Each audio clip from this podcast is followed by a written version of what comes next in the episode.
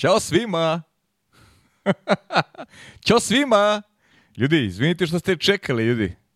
Izvinite što ste čekali, imali smo tehničke probleme, daleko je Čile. To je poenta cele priče. Daleko je Čile. Srki, kakav si?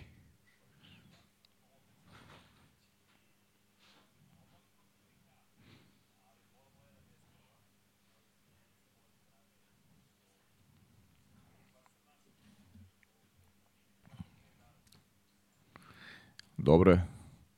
Nadam se da ćemo tu uskoro vidjeti, pošto gledaju mene, ljudi gledaju mene trenutno, uskoro će i tebe, da. Kažu, kažu, da, imaju, kažu da imaju lep pogled. Imaju lep pogled, jeste, u mom pravcu. Onda ne gledaju mene, da, hvala ti. Vratit ćeš se ti, vratit ćeš se. Pričat ćemo o ovome tek. Da, imamo i drage goste ovde, ove, ima, imamo uh, dve dame, dve divne dame i, i dva sjajna, ovaj, da, i dva sjajna momka koji su ovaj, pripremili jedan lep poklon za tebe, ali to kad bude mogo da te vidim, onda ću, da, da, da, kad te budem ovaj, ugledao, onda ću da ti predstavim ovaj, šta, su ti, šta su ti oni pripremili. Ne, ne, ne, ne, samo da te ugledam, pošto vidim da još, ovaj, još komuniciram, neobično mi je, gledam samog sebe u ovaj veliki ekran. O, ovaj, malo mi je neobično da komuniciram. Jeste, imam utisak kao da, so, kao da pričam sa sobom, sam sa sobom, znaš. Malo mi je ja prijatno zbog toga.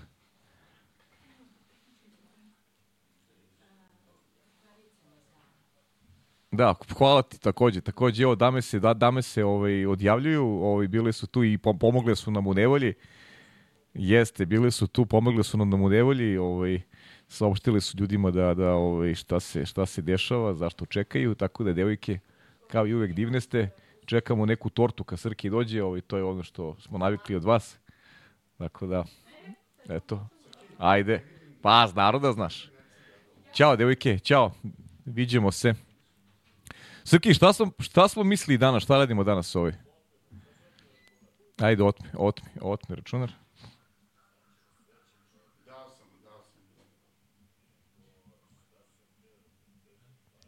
Kaži.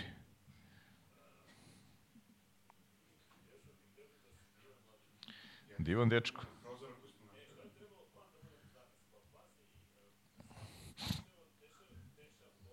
Dobro. Jeste.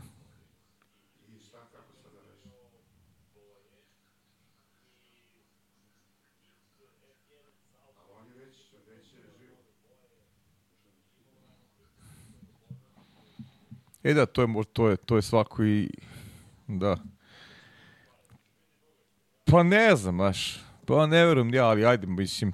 Znaš kako, sad bi interesantno ona priča što smo htjeli ovaj, da ovaj, ti budeš Toto, da ovaj, Deki bude, da Deki bude da Deki bude ovaj, Vasera, da ja budem Horner. E vidiš ti kako, od, od te najave ovaj, odjedno dobili smo spektakl.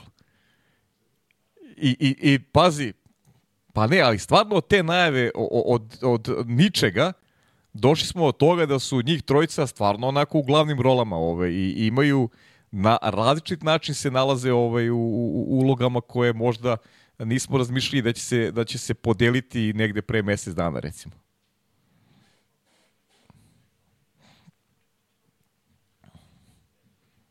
Moguće, da. Da, moja nije, to znam, da ne, neću se kitim ovaj...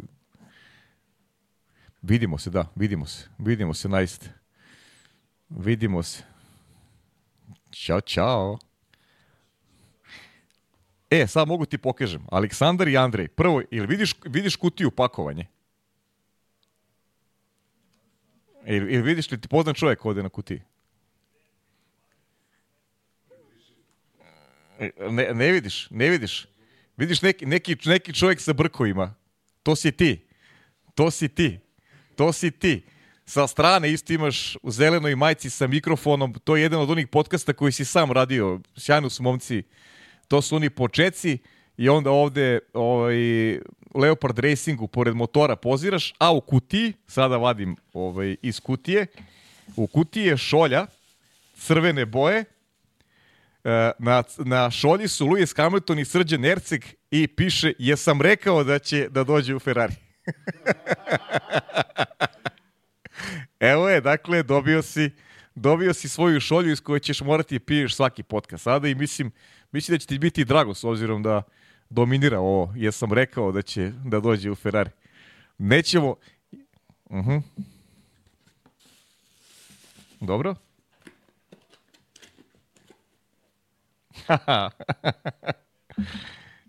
jesam rekao, da, da, da. Vidim ja da će svaki podcast da počinje, jesam vam rekao.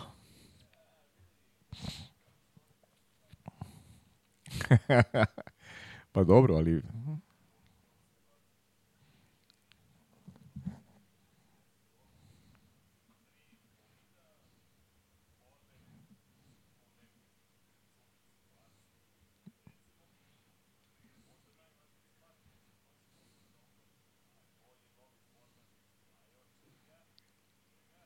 Sprinta, da, da, da, da.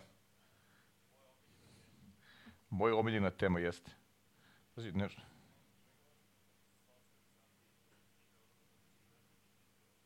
E, pazi ovde. E, znaš šta je ovde? Pazi, Srki se ne čuje uopšte. Evo, dobijam poruke, javlja mi, evo i Deki nam se javlja, kaže Srki, Srki se ne čuje uopšte.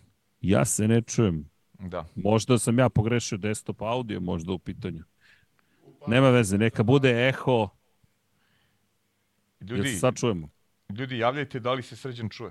Da li se Evo i Srđan Hasan, čuje? i Hasan mi je pisao da se ne čuješ. Mi se ispriča smo, a ono... I ja se ispričao smo. I se čuje sad? Pavle, ne čuje se Srđan, evo čekam, čekam da mi, da mi neko pošalje. Sada se čuje, evo ga. Dobro, dakle, Evo sad, evo, vič, evo i Hasan mi odgovara da, ništa, da piše ajmo da sad. ovako. Gledaj sad ovo. Ajde.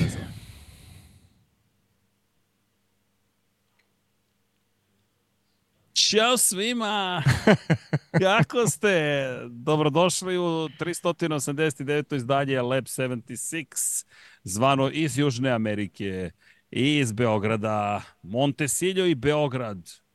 Večeras samo za vas, uz tehničke poteškoće, ali čujte, svaki put kad promenimo lokaciju, nešto se desi. Ovoga puta čak se nije desilo u Čileu, nego u Beogradu. Ali to je Marfiv zakon u kombinaciji sa Gremlinima i zato ja vas molim da kliknete jedan like za celu ekipu koja ne odustaje. Jer nema predaje. Mislim da nam se vlada preznojio skroz. Pa da, I, da. da, i da mu nije dobro večeras. Ali vladao sve je u redu, evo, tu je najvernija publika na svetu. Ja se Jeste, nadam. Nadam se da je ne neko znam. ostao. Nisu te čuli, sad ne znam, tvoj komentar na, ja sam pričao, tvoj komentar na šolju. Sad, ajde, E, hoćeš ajde da da reaguj na šolju. Znači da, Da. fejkujemo kao. Ajde. Šta je to, Pajo? Pa srđane, ovo si dobio za poklon, znaš. Aleksandar i Andri su, Aleksandar i Andri su ovaj, autori šolje. Hvala. I stvarno je predivna šolja i verujem da ćeš... Uh, I sam ti rekao da će dobiješ šolju. E, jesi, jesi, Pajo. Sve si rekao, sve si najavio. E, Da. a moram da ponovim sad ono što smo pričali zapravo. Prvo, hvala za poklon. Drugo, ovo što si rekao da će se ponavljati, ja sam rekao, o, ali to je van fokus. A, čiji god da su prstići, teška priča. Da, da, dobro. Ali nema veze. Priča, ali eto, probali smo. Malo, Hvala. O, nema malo auto saradnje. Malo ne saradnje. autofokus. Ali bez obzira. Ej, ljudi, očigledno da je podcast otišao u Južnu Ameriku, tako da možemo da krenemo iz početka i sa šalama. Rekoh već pozdrav F1 Srbiji i GP Balkancima. Njih sam trolovao za Luisovu platu. Opet, kažu ljudi, bit će 100 miliona. Naravno će biti, pa sve smo vam rekli. Ali, šta je Čuli tema večeras? Imamo mnogo tema. Haas stigao novi bolid. Williams stigli novi sponzori, nove boje, nisu pokazali bolid. I naravno stigao je novi Zauber Steak F1. Mada većina ljudi mi nam piše, ceri mi tebi paju zbog Kristijana Da. Hornera i ono što se dešava. Pa dobro, Da. ljudi vole malo te, te teme koje su... Znaš kako, ovo predstavljanje bolida je, možda pričamo o bojama, znaš, zaober zelena sada koja dominira i tako dalje. Šta možda pričamo o tim, o tim bolidima, osim da čekamo uh, predsezonska testiranja i da vidimo kako to izgleda. Ovako, znaš, svi će oni dupakovi da to izgleda što je moguće lepše i kada pričamo o dizajnu, verujem da se manje i više svima dopada kako to, kako to sve izgleda, ali šta je unutra, kako će se vozači ponašati, to je enigma koja će trajati tamo do kraja do kraja ovog meseca, rekao bih, kada počne sezona, ipak i ta predsezonska testiranja, možda dobijamo neke male smernice, ali ništa to nije krucijalno kada, možemo, kada govorimo o nekim uh, spoznajama ili ti idejama kako, kako će timovi izgledati. Pa samo kako, kako izgledaju, to je ono što si rekao najlepše. I pri čemu za zaober ovo je potpuna promjena. Pa jo, rezedo zeleno crni bolid, bit će vidljiv. Nešto mi pada na pamet kao da ih prave sve više za noćne trke. Slažem se. Da, Znaš, to je bila i neka moja, ovaj, da ne kažem, ovaj, kakva šala vezano za te boje. vezano za te boje, da, ali da budu onako upadljivi, ovaj, da Jesu, upadljivi jesu, ali nadam se da će biti upadljivi kada govorimo o, o rezultatima. Ma, vremena da budu malo bolji, da, da. To je jedino, jedino merilo, da. Da, ono što je zanimljivo, što su prezentacije bile u Njurku za Williams, u Londonu je za Sauber, a Haas je rešio ponovo da ide na virtualnu prezentaciju. Štednja je potpuna u ekipi Haasa a mi smo samim tim odlučili da mi ovo radimo iz Južne Amerike. Da. Pa dobro, imamo i ovu priču Srki vezano za, za Andretija koji, ono smo pričali u prošlom podcastu, oni ljudi ne odustaju očigledno i pokušat će dalje, pa i ne treba, pokušat će dalje da iskoriste ovi resurse koje god imaju, ovaj, neku pregovaračku moć i, i neće, ono što je važno, ti si pričao o tome da se oni pripremaju u vazdušnom tunelu, da rade možda čak i radi više od ekipa koji će učestvovati u Formuli, u Formuli 1 i, i dobro je čuti da, da Andretti ne odustaje, da i dalje radi na ovaj procesu učenja, ajde mogu tako da kažem i ostaje samo da se da, da, da se dogovore sa sa sa svim tim relevantnim faktorima koji odlučuju o tome da li će da li će 11. tim dobiti ovaj dozvolu da se takmiči i ja im držim onako fige da, da, da uspeju u tom procesu i, i lepo je čuti što one odustaju. I to je jedna onako od, od važnih vesti e, koje yes. su se dogodile eto, u tom periodu od četvrtka kada smo imali taj vanredni podcast koji je ovaj, izazvao uh, zaista veliku buru, taj prelazak Luisa Hamiltona u Ferrari. Da, kada govoriš o Andretiju, to je isto velika tema uz i činjenicu da je promenjen format sprint trka, da. ali ajmo, ajmo krenemo od, od Andretija. Ajde, može, kada može. već spomenuo, ne znaš šta mi se dopada, borben duh i što su uh mhm. -huh. rekli mi se nećemo predati, pri čemu ja mislim da su oni sa timom advokata seli i rekli sledeće, a to je, okej, okay, Niste nas pustili za 2025. ali nigde ne piše u finom odobrenju za koju godinu smo se mi prijavili. Tako da se oni hvataju zapravo za tu odluku Međunarodne automobilske federacije, FIE, da im dozvoli ulazak u Formulu mm -hmm. 1, gde je poslednja stanica ostala zapravo sama kompanija Formula 1, Formula 1 grupacija. I kada su sada odbili da im daju mogućnost, pošto neće biti vremena za ulazak u 2025 porodica Andreti se oglasila i rekla mi nastavljamo puno para i, i ne samo porodica Andreti, već i Cadillac, to je General mhm. Motors uh -huh. kompanija. Što znači, Pajo, da će oni nastaviti razvoj bolida za 2026. 26. Da. I da je to zanimljivo. Oni ne moraju da ne raz... oni, to jest oni ne podležu pravilniku trenutno, njima nije zabranjeno da razvijaju taj bolid.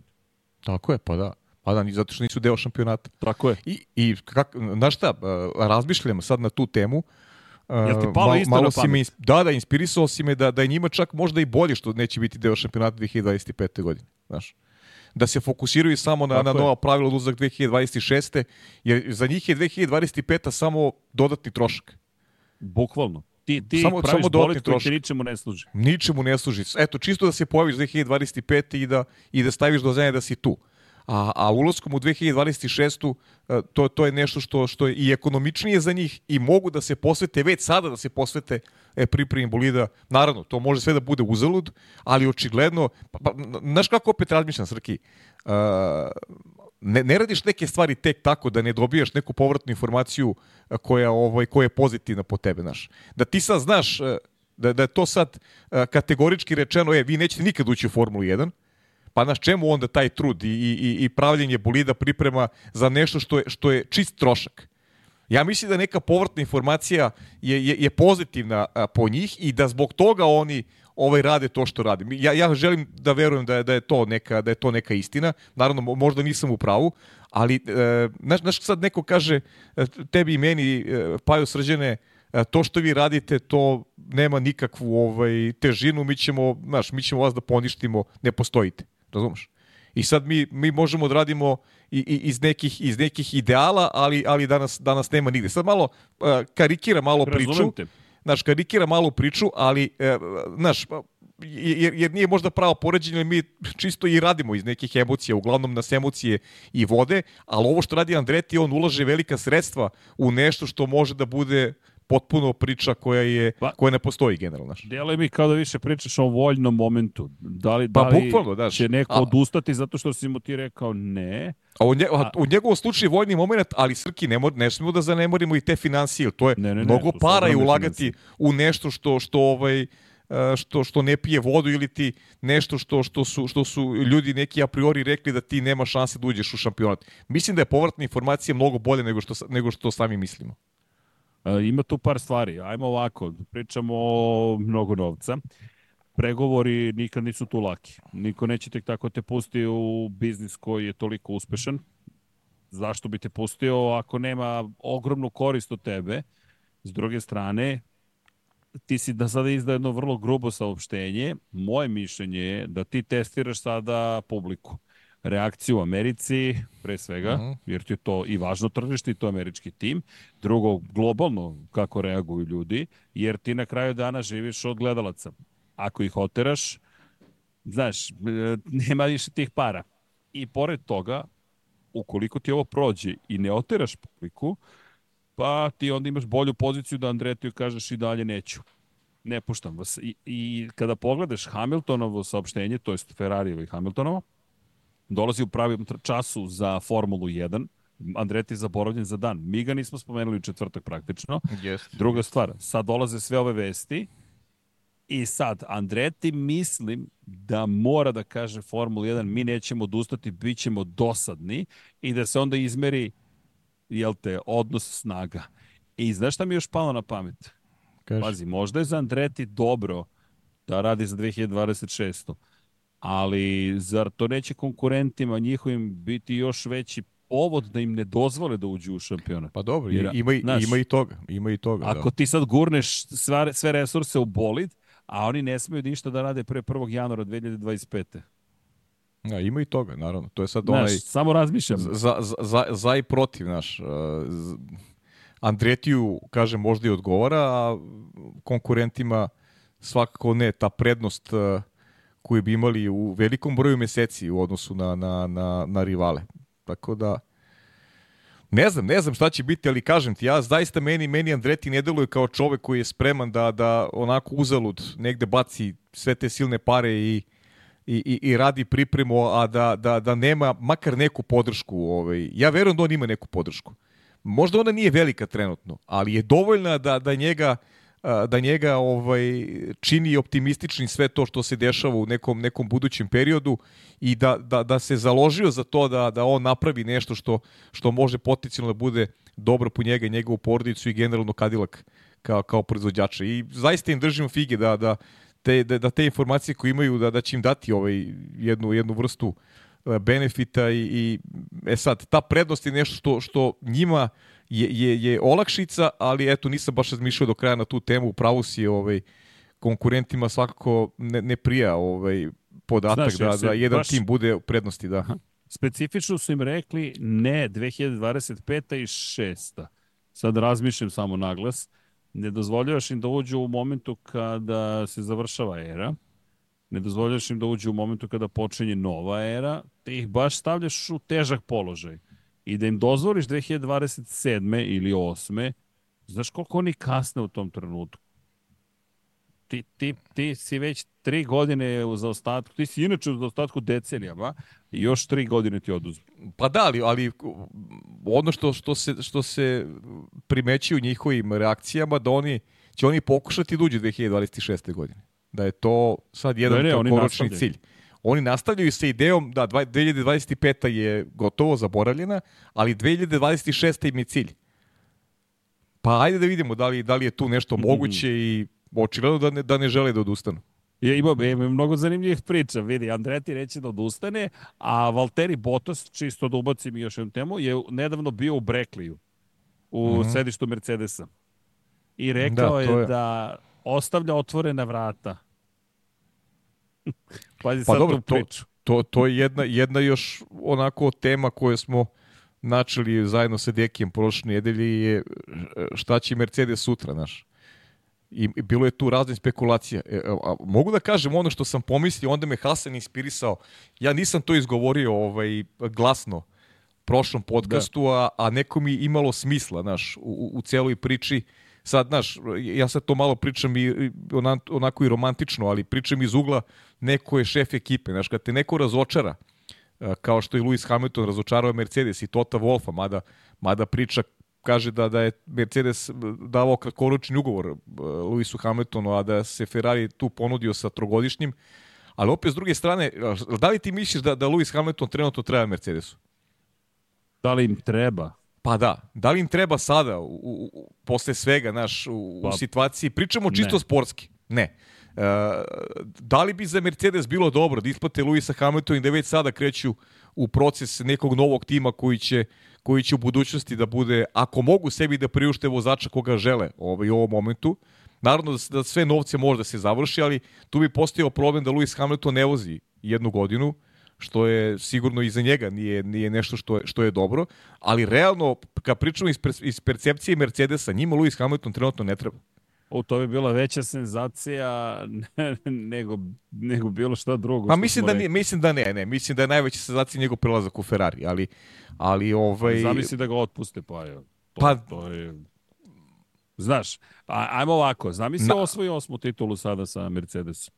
Pa teško je reći, ali znaš kažem, kaže ti Hasan me malo i, i motivisao s obzirom da znaš da je Hasan je i na izvoru i rekao mi je da, da, je, da je čuo te glasine, da to Toto Wolf u nekom momentu da je ovaj da čak i, i- i nije ovaj njegova reakcija je takva da, da možda čak i ne bi voleo da se to šuškalo, ne bi voleo Hamiltona ove godine u ekipi. E sad, naravno, ugovor Luisa Hamiltona i sve ostalo što, što ga obavezuje je poprilično onako visok i neću reći se postavlja pitanje motiva, ali kako te kako gleda na Luisa sad taj mehaničar koji treba sutra tu da ostane, gleda čoveka koji više ne veruje ekipi. Jer, znaš, ti si stavio do znanja negde da i ne veruješ više ekipi. Znaš, ti, ti ideš dalje. E, Tu, tu je, već je došlo do rastanka između Luisa Hamiltona Pajo, i tima. da te pitam, Kažeš? ajde, pravimo ta poređenja u- iz našeg univerzuma, našeg Mhm. sveta. Ajde, zamisli sledeću situaciju. Sad, ti- mi, mi pričamo, neki dogovor napravimo i ti se probudiš ili ja jednog jutra i kažem, e, znaš šta, vidi, idem kod najvećih rivala zato što su oni gotivniji. Ne zato što mogu da me plate samo, nego zato što su gotivniji. Pazite koju poruku ti šalješ. Ti Da, da, pa- kažeš, e, ne samo što vam je bolid loš, potencijalno, već vas ne volim dovoljno da ostanem sa vama. Pa da. To je, Što to je, to je ružna poruka, znaš, to je, to je, da li tu ima ljubavi, da li tu ima saradnje više? Vidi, kako bi se ti osjećao? Ja bih se osjećao loše. Odmah Pa ja kažem. bi se, pa isto tako, znaš. ja bih rekao, tako, čekaj, znaš. šta smo radili sve ove godine? Pa o tome ti priča, znaš, znači ja stvarno, mislim, ja kažem ti, Ne možda znam. gledam malo, ja, ja sam ovaj, u tom poslu, kad pričamo o Formuli 1 kao Paja, ja, ja, ja ne, ja kažem, ne kažem Paja, tu, tu, tu je srđan. Znači da nema, da nema srđana je bilo Paja. Znaš, i, i to pa je i to. obrnuto, ne, e, to pa ti je, pa da, ovde. to ti je to. I onda ti je, i onda ti je priča, znaš, ti sad treba gledaš te ljude u garaži koji su ti pomogli da osvojiš sve te titule, oni gledaju i tebe i sad treba prvenstvo za Mercedes da bude da bude dobro. Ja ne znam kako to može da se izvede, najiskrenije ti kažem. E, ali čekaj, koja ti je ja, teža poruka? Poruka na nivou boli, ne verujem da možemo da napravimo dovoljno dobro boli zajedno ili vi ne možete da ga napravite, ili poruka tipa nevažno je šta ćete da uradite, ja želim da završim karijeru u Ferrariju. Pa mislim da je čak ona, ona prva poruka je, je, je teža, jer to pokazuje da, da, da ne veruje ekipi. A ovde, znaš, da ti želiš da završiš karijeru u Ferrariju, mislim, to je tvoje legitimno pravo. Ali opet su jedna i druga e, nisu dobra za tekuću godinu. Ja sad pričam kratkoročno, Da, da, da, znači, da. to je ljubav koja traje još godinu dana. A kakav je Mercedesov tu interes? Mercedes tu nema nikav interes osim što će plaćati Luisa Hamiltona, a ne vidim da mogu napraviti neku koheziju koja bi im donela adekvatan rezultat. Ja, ja stvarno, kad pričamo o, kvalitetu, ne vidim ko može trenutno pobedi Maxa Verstappen na duže staze osim Luisa. Ne vidim, možda će da se pa, iskristališe nešto drugo ove Fernando sezone. Možda Fernando Alonso. Tako je, ali, ali možda se iskristališe nešto drugo ove sezone, to, to ćemo tek da saznamo. Ali kako Mercedes sada poljuljan, kako Mercedes može da, da, da, da, ovaj, da, da krene u neki... Znaš šta, šta mi je palo na pamet? Znaš, da. palo mi na pamet, ako je Mercedes recimo zainteresovan za Carlosa Sainca, Dobro. Ako, ako je ideja da dovedu Sainca, pa da obave tu promenu odmah sada. Znaš, Uh, biće nam, biće nam interesantnije svima, znaš. Biće nam svima interesantnije. Jer ovdje imaš čovjeka koji vozi za Ferrarija, koji ovaj, zna da odlazi iz te ekipe. Verujem da bi mu izazov bio veći kada bi uh, dobio uh, onako višegodišnji ugovor i, i, i bio član ekipe koja ima perspektivu, ima želju da, da se vrati na svetski vrh i imaš Luisa koji bi opet s druge strane imao priliku da se ovaj upozna sa, sa ekipom, da, da ovaj E, prosto, prosto mislim da bi njemu bilo veće zadovoljstvo u ovom momentu nego da vozi ekipu od koje je digao ruke. Baš smo daleko otišli, ali vidi, fakat ovako, ti imaš godinu dana čoveka koji ne sumnjaju njegov integritet, ali on će otići u Ferrari sa svim informacijama koje je zadobio tokom duge karijere u Mercedesu ne mora on da priča o bolidu, može da priča o procesima, može da priča o tome kako se sarađuje, kako komuniciraju, znaš, kako rade strategije. Ima mnogo toga što on donosi kao znanje. I ti sad njega ostavljaš još jednu godinu kod sebe, da on posmatra stvari iz druge perspektive, perspektive nekoga ko odlazi, samo razmišljam šta uh -huh. bih mhm. ja uradio da znam da odlazim sutra, pa naučio bih što više mogu realno, jer mi to treba tamo gde odlazim. Pa da. Mislim da pa si jest. pravo po pitanju toga da li ti treba.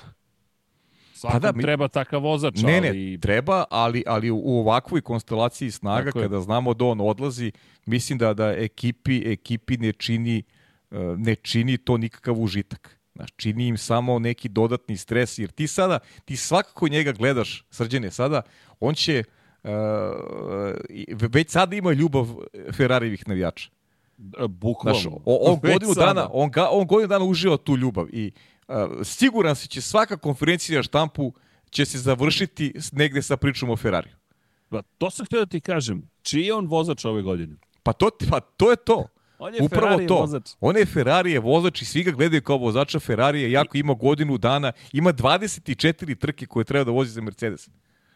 A svi će da pričaju Lewis Hamilton Ferrari. Svi će i to, i to Toto Wolff i to, to ta vrhuška Mercedesa vrlo dobro zna. Ja mislim da je ovo još, da je još teže na, na, kad pogledaš na zaveštanju Mercedesa. Uložili su toliko da postanu bitni, relevantni, uspešni, najbolji svih vremena i onda dođeš u situaciju da sve to što si radio, čovek koji ti je bio glavna zvezda, obriše jednim potezom i kaže ti sve to džaba, Ferrari je Ferrari. Pa da. Posle ne bi jasno, to jasno poruk. Ne pa, na... potreslo, nego pa... i emotivno i poslovno, ali ne na nivou trkanja, nego robne marke i pozicije Mercedes. Da, da, da. Pa pozicije Mercedesa generalno, znaš, ti, ti pritom eh, tebi je tebi su i ove godine jako važne u, u toj pripremi nekoj koji će imati od 2025, ok, ajde, oni će od 2025 imati vozača koji će uh, testirati i, i, i, i naravno sve ono što se dešavati sa promenom pravila i tako dalje. Ali uh, situaciju u kojoj se nalazi tim koji je bio dominantan uh, do 2021. u šampionatu uh, je absurdna i, i ne, čini im, ne čini im dobro generalno i zato je sad uloga Toto Wolfa da da pronađe, mada vidimo da su neki pomirljivi tonovi njegovi, ok, zna on kako treba da se opkodi sa, sa, sa javnošću i a, ve, verujem da, da, da mu je drugačiji osjećaj ovaj, kada, kada je onako sam sa sobom, što se kaže, i, i strašno me zanima kakve će poteze da, da, da povuče. Ne verujem da će biti ovako radikalni kao što, kao što smo navjeli, ali prosto uh, razmišljam prosto na taj način i, i, i ovaj, uh, eto, da sam ja ulozi uh, Toto Wolfa, svako bih razmislio na ovu temu, jer, jer mislim da 2025. Uh, da im se ne piše dobro sa, sa ovakvom postavom u kojoj je jedan vozač u svojoj glavi već, već u Ferrariju. Pa evo, pazi sad ovo. Imamo tri nova bolida. Imamo Kristijana Hornera. Imamo nove sprint trke, to je formate. Mi pričamo o Lewisu Hamiltonu pa, i Ferrariju. Naravno. I to, to. poziciji Mercedes.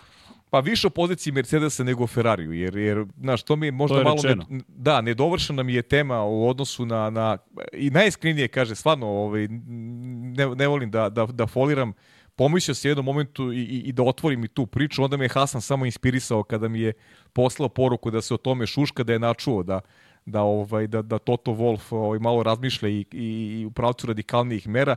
Kaže pa, ne verujem da ne verujem da će se dogoditi nužno, ali potpuno razumem i ovaj jedan od retkih ovaj trenutaka kada a, podržavam ovaj razmišljanja Tota Wolfa je taj.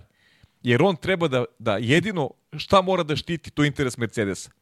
Mislim da interes Mercedesa u ovom trenutku nije Lewis Hamilton u bolidu Mercedesa. E sad, da li je to izvodljivo uraditi i kako njega motivisati i kako napraviti celu priču je, to je opet na, na, na menadžmentu tima, ali uh, realno uh, načeli smo malo temu sa, sa pričom o tome da, da, da ne, ni Ferrari da. Nema, nema potpuno jasnu ovakvu situaciju za 2025. jer imaju Sainca koji odlazi iz ekipe, Mercedes koji takođe, da tu Red Bull profitira. Uh, E, I dalje, sad... to, to mi još pojačano mišlje na tu temu nakon, nakon eto tog perioda od četvrtka do danas. E, ali ajmo kratko se dotaknemo, kratko, ako možemo. Ajde. Ja ne bih da, da ulazim duboko u tu temu, pošto je premalo informacija, a suviše osetljiva tema, -hmm. Ali vidi Red Bull koji sad ima pistu ispred sebe, da se zaleti, poleti i leti. Krstari samo lagano do, do ciljeva. Cijela ova situacija sa Kristijanom Hornerom. Za one koji eventualno ne znaju, Christian Horner je pod istragom Red Bulla. Uh -huh. Ne Red Bull Racinga, to je velika razlika, već Red Bulla. Dakle, glavne kompanije od, od koje je sve krenulo. Dakle, dolazi novac. To je dolazila je najveća količina.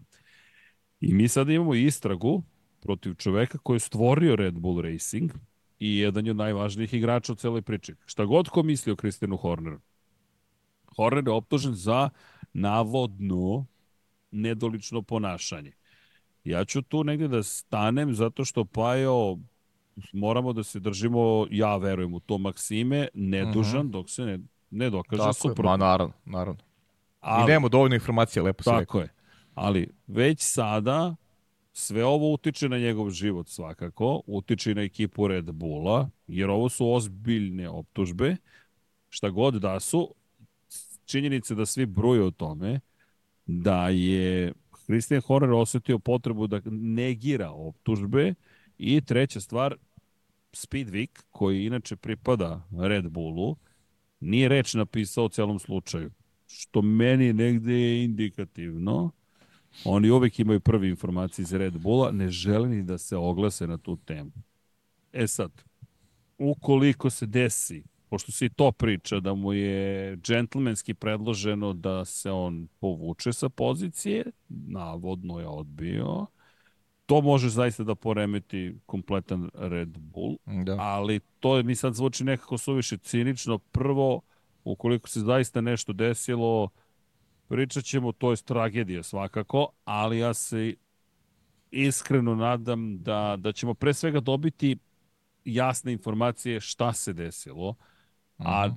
dalje ne bih pričao jer je suviše osetljiv. Ne znam, to su ne. teme koje su suviše osetljive. Jesu, slaže se to ovom potpuno i ono što je što, što eto možemo malo da, da, da pomenemo, prvi put se Red Bull u nekoj negativnoj konotaciji e, spominjao na relaciji Christian Horner i znaš već ko, dr. Helmut Marko. I yes. znaš da smo tokom godine prvi put imali priču da među njima a, a, nisu onako baš, što se kažu, čista posla i to smo isto primili kao a, pokušaj možda i nekih, eventualno i nekih drugih timova da malo nesu neko seme razdora ovaj, u toj vrhušci Red Bulla, a opet s druge strane, znaš, opet kad se sada pojavljaju ovake priče, ne mogu da ne pomislim i na doktora Helmuta Marka.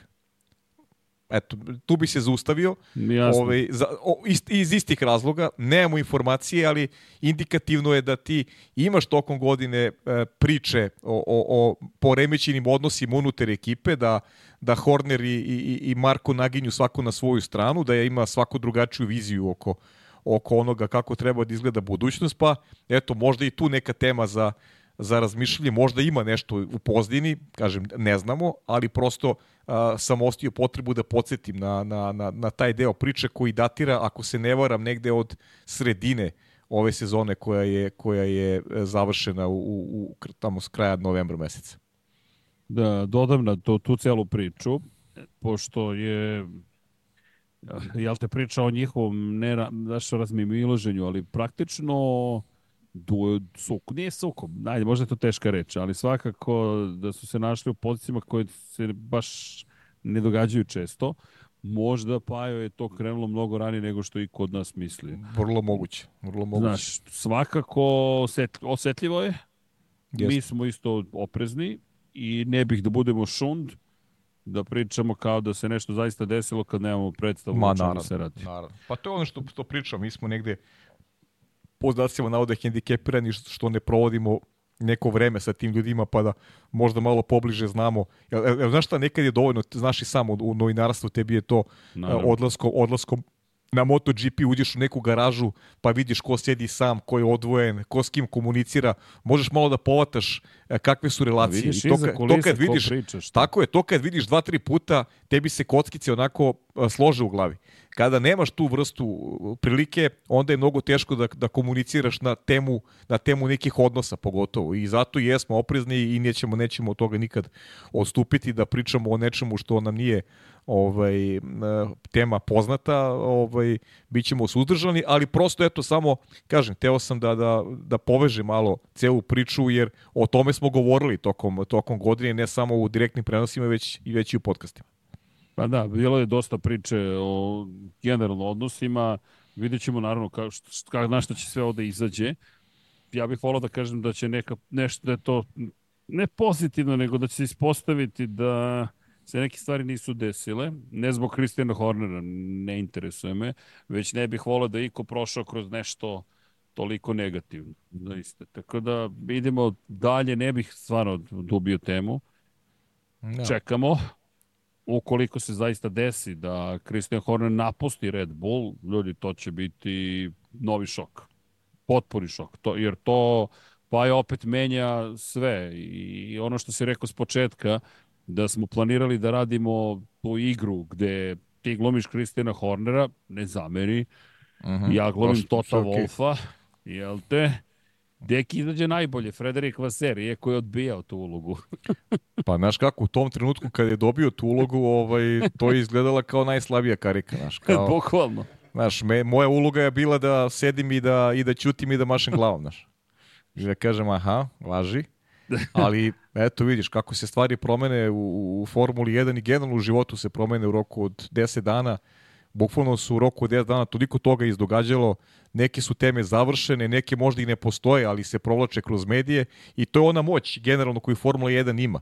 I, i mislim da je, da je dolaskom Liberty Media, možda su neke priče i fikcija, možda su i, i svesno puštene, ali, ali jako dobro okupiraju pažnju svih nas koji volimo Formula 1. To ne može da im se ospori opet s druge strane, uh, neke, neke stvari su se dogodile, ljudi, realno. Uh, zaista su se velike stvari dogodile, ne pati kada je bilo zanimljivije tokom, tokom zime, pa samim tim, evo i... Ni. I, I mi podcast imamo maltene, evo, prosinje dve nedelje, podcasti su na pone, ponedljak, četvrtak, ponedljak, četvrtak, ovo je četvrti ili peti Srke, sa više si ne znam, mislim, da, da, mislim da smo, da smo imali, imali smo dva četvrtka, ne znam da smo preskočili jedan ponedljak, više nije ni bitno, ali, ali stvarno se nameštaju, nameštaju se priče, uh, jer ovaj, svi volimo da imamo neku temu o kojoj možemo, možemo da, da debatujemo, da razgovaramo, a ne da ih izmišljamo. Ovo nisu izmišljene stvari, ovo su, ovo su priče koje su lansirane u ozbiljnim medijima i, i vidjet ćemo kakva će biti epilog. E, kada pričaš o događanjima i šta se sve desilo, mi smo se dogovarali da januar, februar, pa možda i ne budemo svake nedelje prisutni i danas smo ti pa, ja da. diskutovali šta da radimo, da li radimo, ne radimo, da li preterujemo, I onda samo izlaze vesti. Ne, ne pa da, ja, da, ja sam bio u fazonu da, da, ja sam ovde radio Waterpolo i rekao sam ti da, da možda malo i, i, i možda malo i preterujemo. Ali, preterujemo. Da, ali ovaj, stvarno evo, kad, kad pogledaš ovako šta se sve ovaj, izdogađalo i da je Lewis Hamilton i dalje realno Srki velika tema, bez obzira što Tako, postoji i druge, I, jer, jer nismo, nismo produbili priču na, na Znaš, mi smo se bavili Lewisom i, i Ferrarijem, ali manje smo se bavili Mercedesom, jer, jer znaš, i, on, i oni treba da, da vide kako će se ponašaju u nastoli situaciji. Za Ferrari je sada a, lako svima, znamo kako će Ferrari izgledati u 2025. Kako će da izgleda Mercedes? Šta će oni da urade? Kako će izgledaju sada sa, mislim, znaš, eto, pričali smo o tome da sada Izvini, se, kako utiče ovo na Sainca i Audi. Valtteri Bottas je izjavio da je njemu plan da ostane u Audiju. Ne da. u Zauberu, nego u Audiju. Što tako znači je, još ova godina, je. sledeća i da ostane 2026. godine. Tako pa dobro, ali mislim da opet, znaš, misli da će i Joe da ostane tamo, Gvanju. E, sad, to je ogromno pitanje. Šta, šta ćemo s Joe? Joe navodno plaća 25 miliona dolara, to je njegovi sponzori godišnji da bi vozio. Šta ukoliko, na primjer, bude prazno u Šangaju ove godine, prva trka u Kini posle koliko? Pet godina. Jeste, jeste. Od 2019. nismo išli u Šangaj, a to je baš period najvećeg rasta popularnosti Formula 1. I Jeste, da li je tako. Šangaj sada grad koji će rasprodati sve ulaznice i da li će doći najzad? Nikad nisu bile rasprodate, s maksimalnom broj ljudi i na osnovu toga mislim da ćemo znati kakva je sudbina Guanju Joa. Jer samo zamisli ako je Šangaj rasprodat.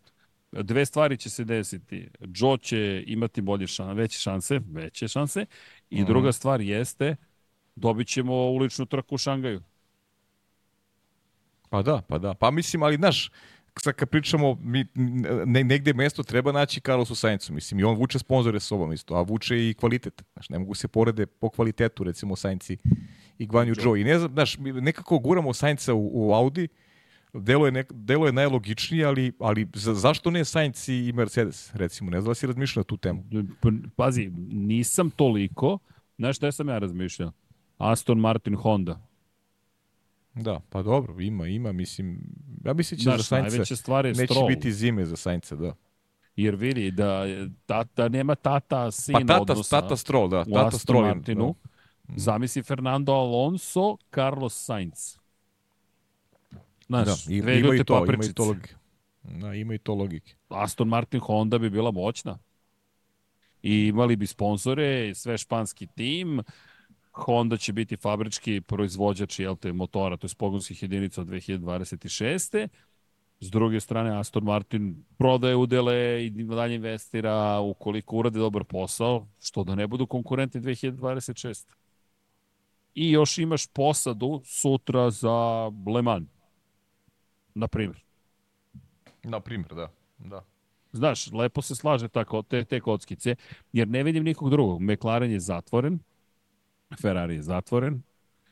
Odlazimo od toga da Red Bull nije pravo mesto za, za Sainca i ne vidim potrebu da dodeš i da budeš broj 2 pored Maxa Verstappena. Šta ti ostaje? Ostaje ti Mercedes, koji si spomenuo, i Aston Martin, koji sam ja spomenuo. I to je to. A zamisli da. ja u Mercedesu, hipotetički, ode Carlos u Mercedes. Znaš, to je ozbiljan motiv. Ali, šta je rekao Toto Wolf? Možda je ovo trenutak da uradimo nešto hrabro. Da li je hrabro dovesti Sainca? Kimi. Ili radiš nešto ekstremnije. Jer vidi, šta je Toto Wolf rekao? To smo zaboravili Kim, da Kimi Antonelli. Kimi Antonelli. E sad, Kimi Antonelli najde odveze prve trke uopšte u Formuli 2. Pa da, ali kad kažeš nešto ekstre... šta, šta je to ekstremnije, znaš, od, šta je hrabro, šta je smelo? Šta je hrabro, znaš, šta, da, šta je smelo? Ko, ko, ko je taj sad, znaš, gledaš u pravcu nekog mladog vozača pre svega, znaš. Pa da, Albon nije smelo, Albon je vozio za Red Bull, to nije smelo, to je već to je neko sigurno. ko, ko ima ime, ime i prezimena, nije on, nije on klinac neki koji, koji ovaj, neko je video neko je video što, što veći deo javnosti nije. Što nije sigurno Alex Albon. Ali neki, možda neki mlad vozač koji, koji onako zapoz oko za koga Toto misli da možda bude ovaj, koriste Mercedesu, je, to je već nešto oko čega opet možemo da licitiramo i ne znam da li, da li, da li Mercedes ide u tom pravcu. Lepo si rekao, to smo i prošle nedelje pričali, Kimi treba da odveze prve trke u Formuli 2 da vidimo koliko je, koliko je talentovan kao što, kao što se priča. Ma vidi, ima mnogo vozača koji su na raspolaganju. Ne samo Albon i Sainz. Ti si lepo rekao prošlog puta, Esteban Okon je takođe u igri. Da. Toto Wolf mu je menadžer. Da, da. da li da probaš? Da staviš jednog brzog vozača u potencijalno moćan bolid. Šta je problem? Moje mišljenje. Nikada do sada se nije slagao sa klubskim kolegama. Ne vidim da će se slagati sa Russellom. Da. Koga niko pa... ne spominje kao vođu je li kod nas vidi sad George Russella kako preuzima Mercedes pod svoje i kaže ovo je moj tim. Jeste, jeste. Pa sa svim, znaš, vidio da. si, čitao si danas verovatno koji još ime ovaj, se dovodi u vezu i, i, misli, i vidim da je mnogima drago u stvari da, da ga dovode da, u Mercedesu. Mislim, tako je, da, nije, nije teško pogoditi, pogotovo da, sa, sa najavom Sebastian To je ključno pitanje. da, Sebastian Vettel i nek, negde bi se eto ponovio slučaj uh, slu, naš nemački vozač, šam, veliki šampion u, u Mercedesu, baš kao a, eto, neka najava početka one ere Luisa Hamiltona sa Schumacherom, znači paralela bi se onako jasno povukla između, između Šumija i, i Sebastijana Fetela, ali kažem, licitacija je, ono, pričali smo ti da, da je godina 2024. kraj da će biti interesantan jer polovini vozača sa grida ističe ugovor i, i mnogi će biti slobodni i mislim možemo bukvalno sve momki svetko Charles Leclerc i Landa Norrisa da, da, da gurnemo u taj koš ovaj, interesantnih uh, Toto Wolfu i, i Mercedesu pitanje je samo opredelenja šta šta oni hoće ovaj, kada, kada pričamo o tom izboru i kako u celoj projekciji vide George Russella. I kako generalno George Russell vidi sebe u Mercedesu ovaj, u periodu koji, koji dolazi. Uh, Da li bi prihvatio da s nekim deli privilegije i da li bi prihvatio da mu čak možda to Wolf kaže ne, ti ćeš biti vozač broj 2. Mislim, nik, nikad ne znaš šta je, šta je strategija. Da, pri čemu, ajmo ovako, da ajde, ne možemo da se odvojimo od Mercedesa, od, zapravo od Hamiltonovog, posledica Hamiltonovog potpisa. Bukvalno. Pa, par stvari. E, priča se dosta o ljudima koji će da odu sa, Mer sa Mercedesom, slušaj mene, sa, sa, sa Hamiltonom u, u Italiju. Pa Bono, recimo, sad, konkretno ajmo, dve osobe koje nisu potvrdile da će otići. Mi smo pričali prošlog puta da je to negde izvesno, ali se ispostavilo da baš i nije. I da se sada postavlja pitanje ko ide zapravo sa Lewisom Hamiltonom i da li idu. Jer to su prilično ozbiljne stvari koje, na koje se postavlja kao pitanje. Ako pogledaš, dve osobe navodno juri. Peter Bonington, popularni Bono, i Andrew Shovlin, koji je tu takođe godinama uh -huh. i sad navodno hoće da uradi sve ono što je uradio Schumacher, da se spakuje ne samo on, već ekipa ključnih ljudi, preseli u Maranello i naprave novu eru Ferrarija. Gde je problem? Što svi ti ljudi žive u Velikoj Britaniji i treba se izmestiti. I utiče to na porodicu. Da li si spreman da ostaviš porodicu u Britaniji ili da je dovedeš celokupno u Italiju? To da, da. ima još jedna stvar. To je najnovija vest, a to je zapravo da bi jedan Italijan mogao zapravo da se pridruži u celoj ekipi, a to je Musconi, Ricardo mm -hmm. Musconi. I to je neko ko bi mogao da isprati zapravo u svoju rodnu Italiju, pošto je rođen u Imoli, Luisa Hamiltona iz Mercedes. Pazite sad ovo. Da, da, mnogo, mnogo, ovaj, mnogo priče je povukao povukao Lewis Hamilton da sa sobom i, i mnogo ljudi će povući sa sobom. Ne može da se odvojimo. Ne, pa ne može, pa nije ni realno, Srki. Znali smo da ćemo da ćemo posvetimo, jer znaš kako, predstavljanje bolida može, prič, pričat ćemo o tome, naravno. Moram ali, promenim naslov, pa je. Estetika, znaš, to je samo estetika, ništa više. Možda pričamo o estetici. Hamiltonovog odlaska iz Mercedesa. Pa da, pa dobro, mislim. To će može, da bude naslov. Može. Može, Christian Horner i, i ovako Horner mislim... pod istragom, stigla tri nov, stigli bolidi Hasa, Williamsa i Zaubera. I Zaubera, da. Možda da. to i govori koliko su važne te prezentacije. Pa, mislim, nisu, znaš, te, važno će biti... je uvek, ali... Jeste, ali ta predsezonka testiranja ima ćemo baš posvetiti pažnju. Ovaj. Pa jo. Ti će se među vremenu i vratiti, ili tako? Ovaj. Tako je, tako je. Pa da, Šta pa, očekujemo mi od Zaubera, Hasa i Williams? Pa ja iskreno ti kažem, najviše očekujem tu od Williamsa, najiskrenije, da, da podignu još malo ovaj nivo igre, a od, od uh, Hasa ne očekujem ništa, bukvalno, ovaj, kozmetiku samo i, i početak sad- sezone, možda početak sad- sezone, oboje nekim poenima, ali ne, ne verujem da će se pomoći sa te pozicije 10. u generalnom plasmanu. U Za pravu Ober si ti, pogrešio sam s naslovom. Trebalo je, od ovo je da izguramo priču, praktično. A pazi sad ovo. Ko jedini nedostaje u svemu tome, tim koji se prvi oglasio novim imenom, Visa RB, eh, Visa Cash App RB, Cash, tim, Cash, da. izvinjam se. Jer ko je bio poslednji prošle godine? Haas. Ko je bio predposlednji? Alfa Romeo, to je Zauber. Ko je bio osmi? Williams. sadašnji, ne, ne, Racing Bulls, Racing Bulls. Racing I Williams Bulls. je bio na sedmom mestu. Tri bio ispred? Alfa Tauri. Je Da, da, tako da, da, bilo? Da, sedmi, bravo, sedmi. jeste, sedmi je bio Williams, Sedmi, pravo si. Bravo, ja sam, tu, Pazi, ja sam od pobrkao. svih ovih timova Williams je u poziciji da brani najviše. Pa ja mislim iskreno ti kaže da će Williams to i da obrani, znaš. Zaista mislim da će da obrani. Jer Ovo što smo videli su nove boje, inače, nije novi bolid. Da, da, da. Pa da, da, boje. Ja, ja verujem u. Williams, stvarno. I ima sponzora i imaju dobrog vozača, imaju Albona koji je ne dobar, nego sjajan vozač. I ne, ne, vidim, ne vidim da ovi drugi mogu, da ovi drugi mogu. Kaži. E, ima još jednog Da, znam, vozača. znam da imaju, imaju i ovog drugog, leo, levog smetala. Imaju i ovog levog smetala koji ovaj, možda i otkine neki poen. Znam šta si rekao, eto, nivelisat ćeš tu večeru koji si mi ostao dužan. Da, ostao sam u, dužan. ukoliko Sargent ovaj osvoji na recimo tri trke poene.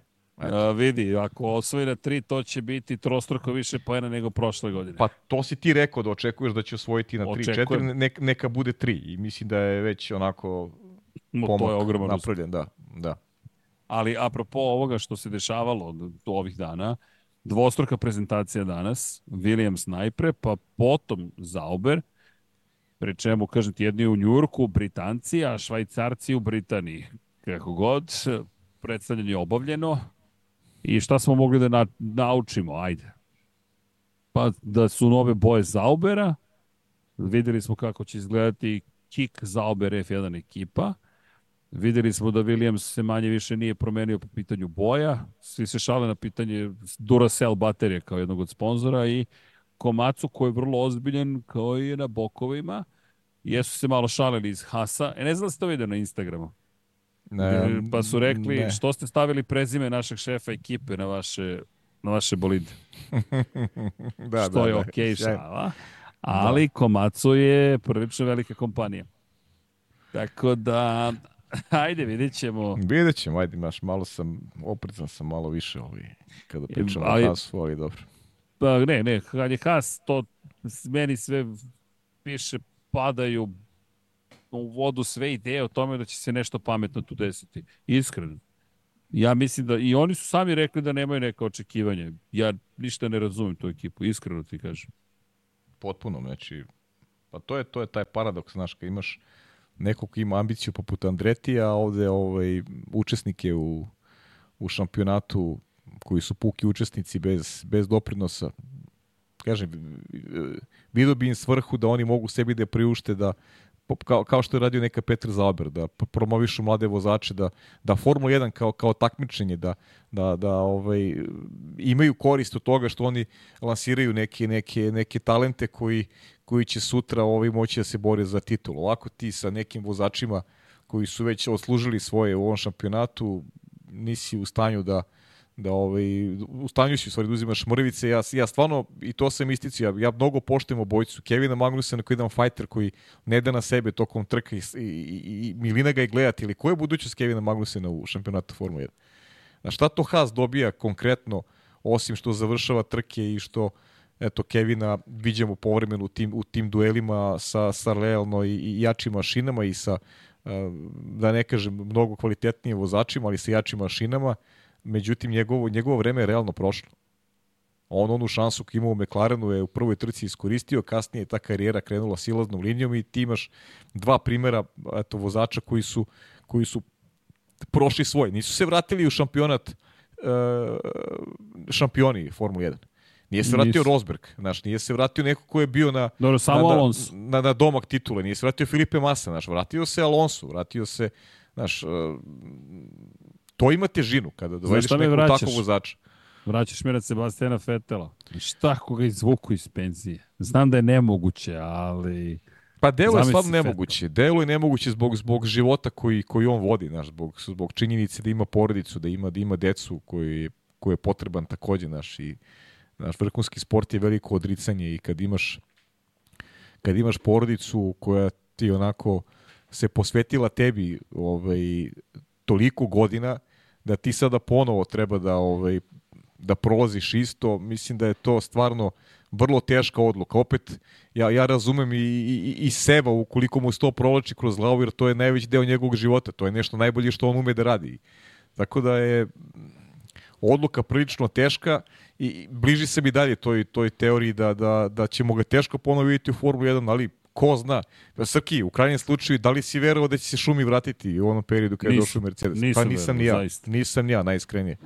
Nisam, a vidi ko mi se pridružio. Ja, to je mali Vidi koliko je fut- porastao, a? to je mali futbaler. Još nešto da kažeš? Momci, ćao, pozdrav. Mo... A, ćao. Ćao, čao. Ćao, Guzo. Ćao. Ode. Ode, a? Pozdravili Da, ste Aleksandar i Andrej, otišli su nam i Aleksandar i Andrej. Ej, puno ih Hvala još jednom za šolje, evo pozdravio sam ih, da. Dobro. Dobro, to šolje kad dođem, pa će onda da... da To ćeš igram da, mislim moraš šolje, mora, mora piši iz ove šolje, to je to. E, vidi od sada, pa do kada? Do kraja 2026. Šta? Pa doj, izaberi do kad hoćeš. Dobro. Dobro, do, Potrudit ću kraja, do, do kraja ugovora Luisa. Hamiltona. E, čekaj, nisam uspeo u celoj ovoj gunguli oko povezivanja, uopšte nisam upalio ni chat, ni ništa, ne pratim, potpuno sam van fokus.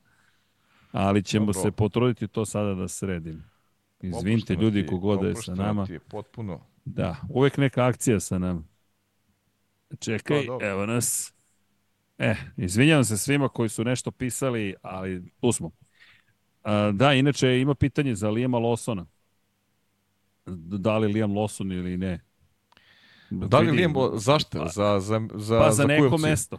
Pa da. mislim jeste, ali naš Liam Lawson je Liam Lawson je ja mislim da je neko koga pa u stvari Nova sve rešava, tako da vidjet ćemo koliko Red Bull tu. Pa pis- pazi i Ricardo se dovodi u, vezu sa, sa Mercedesom takođe. Pa vidi, a zamisli. Ricardovu karijeru koji je došao iz Red Bulla u Renault, jer iz Renaulta je pobegao bukvalno u McLaren i onda je manje više, ajde, razišao se s McLarenom, sada je u Racing Bulls i onda ode u Mercedes. Ok, to bi bila neverovatna Znaš karijera. kako, na, najlogičnije deluju te opcije na Esteban Ocon, ti vozači koji, koji su vezani sa, sa, sa Totom Wolfom. Znaš. Priča si o Mik- Miku Schumacheru, ali priča Pa da, si o Alonsu. pitanja, Dakle, priča se o, sa- da, chatu. misliš za Mika, mo- mora da je Muhammed Jeste. Hajdari, verovatno. Nije, ne, ne. Ako je Mik Schumacher. Čekaj da vidim da li je Mick Schumacher samo spominje, ali nije, nije, nije, nije. nije. nije. Ja. Pa da, misli, sve ljudi, sve, sve je moguće i samo Toto Wolff zna i kažem, nije, nije, nije lak period, nije lak period, opet s druge strane, ukoliko je zaista tačno da su oni Luisu nudili samo onako jednu, jednu kratkoročnu opciju za, za produžetak saradnje, a da je Ferrari nudio tri godine, da je John Elkan ovaj odmah reagovao kada je, kada je to saznao, znaš kako, u tim godinama, u krajnjem slučaju Srki, da budemo realni, i penzija u Da. Ferrariju nije loša opcija. Ako je Luis procenio da se Mercedesom ne može do titule, da je taj, da taj razvoj nije dovoljno dobar, a, a siguran sam da on, ako on, mislim, on je do sada donosi dobre odluke po sebe, a, u krajnjem slučaju ni ta penzija u Ferrariju nije loša opcija. Pa pazi, Ukoliko, ne, on je bude, ukoliko ne bude šampionske titule, znaš. Ovu situaciju sa odlaskom u Mercedes i on je rekao da je razmišljao o tome šta je najbolje za njegovu karijeru. Ali to ti kažem, ono s početka. Zamisli kako se ti osjećaš i ono što si ti rekao, kao zaposleni Mercedesa, šef Mercedesa, vlasnik Mercedesa, neko ko odlučuje o tome šta se događa u Mercedesu, sve ste uradili. Šest titula je osvojio Lewis Hamilton u njihovim bolidima. Godinama sarađuje, od 2013. godine, dakle ovo će sada biti 12. godina saradnje. I taj neko ti kaže, bez obzira šta mi učinili ove godine, ja idem u Ferrari. U Ferrari, da, da. Znaš, to je, nije udarac, to je udarac u pleksus, a onda kad si zalegao, te šutnu otprilike. I, jer Ma ne, to je digni- potpuno šok. Ma pokaže, pokaže ti da da on tu više nije. On, on više me, znaš kako, on, on je samo tu, on je samo rekao. on je fizički samo tu, znaš. Ne, mentalno, i, vidi, mentalno više, Ferrari. više nije. Pa Ti si penzija u lepo Ferrari. rekao. Pa, da. Savršeno je za njega. Lewis Hamilton nema šta da izgubi. Bukvalno. Nema, nema. Nema, Jer vidi, nema šta da izgubi. on i da ostane na samo sedam titula, to je čovek koji ima zajedno sa Mihaelom Schumacherom najveći broj titula. A već ima više pobjeda od Schumachera. Jedini Jeste. je u istoriji sa preko 100 pobjeda. Jeste. I to ostvarenih sa, za, za dve ekipe, za McLaren i Mercedes. Tako je. I sad, sada si došao u franšizu koja je ono, Jedna pobjeda. najpoželjnija. Pa, pa Da, da. jedna pobjeda u Ferrariju mu je dovoljna. On Pa- će postati kultna ličnost. Već pa on, jeste. on, on već sada jeste kultna ličnost, da, on već jeste kultna ličnost i ovaj potpis za njega ima, ima zaista onako istorijski znači još ako se namesti i borba za titulu u tim godinama koje slede, makar jedna. A šta nam iskustva govore iz, iz, eh, iz perspektive dvojci bivših šampiona koji su vozili za Ferrari, makar jedna godina se do, događala. I Fernando Alonso, Fernando Alonso imao dve, Sebastian Vettel imao jednu. Znači, dešavale su se prilike koje nisu iskorišćene. Ferrari nije bio pravi. Znaš kako, taj, taj dolazak, mislim da, da, da, da nekako Ferrari, Ferrari ide uz, uz, uz onako imena tih velikih šampiona. Uh, u Ferrariju se nešto pozitivno događalo, ajde da, da sada ne budemo do kraja kritični. Da, nije bilo titulu eri uh, Alonsa i, i Fetela, ali se nešto dešavalo. Znaš, u, kratko traje ova ljubav uh, Leklera i Sainca, ali o, o, nije bilo te neke pokretačke energije, znaš. Možda, možda i ljudi koji bi se više, znaš, ne, ne, Lewis Hamilton je toliko ime da će da izazove reakcije, mislim pozitivne reakcije i možda nekih ljudi koji nisu želeli dovoljno da se uh, priključe tim. Možda nisu verovali dovoljno u projekat u kome su uh, onako ti mladi vozači bili ovaj, apostrofirani kao neki koji bi trebali možda da vrate slavu Ferrariju. A sa Fetelom i sa, i sa Alonsom se, su se dešavale dobre godine. Tako Pazi, da, ajde, aj- znaš, ajde se neka, vratimo neka, na- na- dobije jednu, neka dobije Luis jednu šansu. Dobro. Pa da vidimo kako će da izgleda to. A mislim da će makar jednu šansu dobiti. E sad, Vidi, e, ono što je zanimljivo meni je istorija šampiona koji dolaze u Ferrari. Iskreno. Mhm. Svaki put kada bi došli u Ferrari, dešavale su se neverovatne stvari. Da, nisu baš osvajali svi titule, manjina je osvojila, jedan je osvojio, ali aj se setimo ono, Fernando Alonso. Kako je Fernando Alonso započeo svoju karijeru u, u Ferrari? On je pobedio u Bahreinu. Prva trka Jeste. u karijeri u Ferrari. Ti si se već upisao zlatnim slovima u legendu i imao si šansu da osvojiš titulu u toj prvoj sezoni. da, pa imao si dve, imao si dve šanse. Imao si imao dve dve šanse. Imao dve lepe šanse. Dve, I dve, dodaj još na to još jednu stvar. Vettel, vrlo brzo je pobedio. Koja beše? Treća, četvrta trka? Da, čini mi se da, jest, jest. Dakle, Brzo on je pobedio. praktično odmah. I mi sad govorimo o čoveku koji nije osvojio titulu, ali je treći najuspešniji vozač po broju pobjeda u istoriji Ferrari. Čekaj, A da, pa ti, ti imaš... promenio je stvari. Pa Srki, mi govorimo sa izuzetkom Maxa Verstappena, mi govorimo o trojci vozača najuspešnijih u prethodnih 20 godina u ovom sportu, čak i koja godina više. To su Sebastian Vettel, Fernando Alonso i Lewis Hamilton. Šta ih vezuje? Šta Vezuje ih ih, vezuje? pa vezuje ih Ferrari. Titule. A, dobro, ve, Ferrari. vezuje ih da. Ferrari, znaš, vezuje ih Okej. Ferrari. Da, da, Vezuje da, ih da. Ferrari. Znaš, je- jedino Max, ali Max je dovoljno mlad da ovaj da i on Još. može jednog dana da poželi, tako je, da možda poželi on jednog dana da Ma možda čak i umesto Luisa Hamiltona. Ko zna kako Čekao će da mi kažeš da će da dovedu Nika Rosberga. Ko? Misliš Pa Ferrari. Ferrari, da, da. Pa dobro, ali kažem ti sad, Sve šampione. Nika, Nika Rosberga ne možemo da svrstamo u tu kategoriju velikih šampiona, nije, definitivno. nije. Znaš, nije, jer ipak da budeš u kategoriji velikih šampiona mora da se ponavljaš. Ovaj, niko to nije uradio, ali svakako je ovaj, šampion, to ne može da mu ospori niko. Ali ovi veliki šampioni, najveći vozači u prethodnih 20 godina, pa kažem i jače, svi su oni ovaj, prošli kroz, ili će proći kroz Ferrari. Znaš, to je, e sad nije bilo titula, to sad govorimo malo i o nekom organizacionom, svemu. organizacionom ovaj, delu Ferrarija koji, koji nije bio dobar. E, možda se i tu stvari promene sada dolaskom Luisa Hamiltona. Veća mobilnost u ekipi, znaš, ovaj, ve, veći neki angažman. A, Znaš, ti kad pogledaš kao, sa- sad neki, pokušaj se staviš kao neki zaposlenik u Ferrariju sada. Nebitno šta si, u kojoj si poziciji, u kojoj si funkciji. Ti vidiš, pored tebe prolazi sedmostruki šampion sveta. Pa znaš, nije ti to isto kao kad prolazi pored tebe Carlos Sainz. Realno nije isto. Koliko god da je dobar, mislim, Sainz je dobar, kvalitetan vodač, ne je bio tu da nije. Ali ovo je sedmostruki šampion, ovo je jedan od najvećih svih vremena. Znaš, tvoja mobilnost, tvoj, tvoj neki angažman je mnogo veći. Ovaj, a, mnogo više razmišljaš o onome, o, o onome što radiš.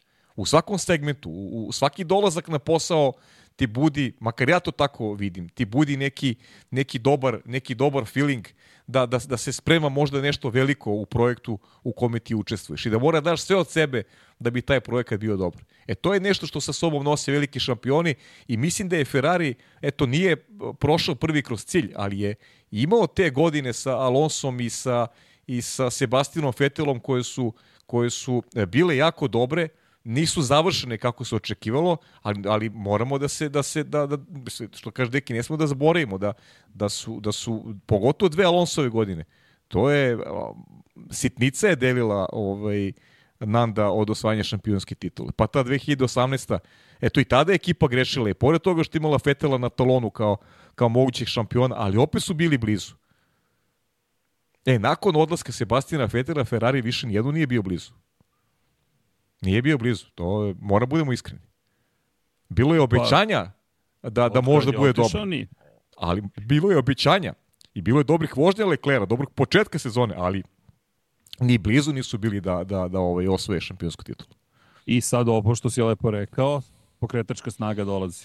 Pokretačka snaga, da, veliki šampion dolazi. Da. I sad zamisli ako dovede i inženjere sa sobom, a već su došli neki inženjeri, dođu sa njim još neki, Ide da mi se javi ovde moj klinac. Dođi, dođi uh -huh. da te mhm. vidimo. Dođi da ga vidiš kako se obukao za bazen. Evo, da vidimo. učeni smo za bazen.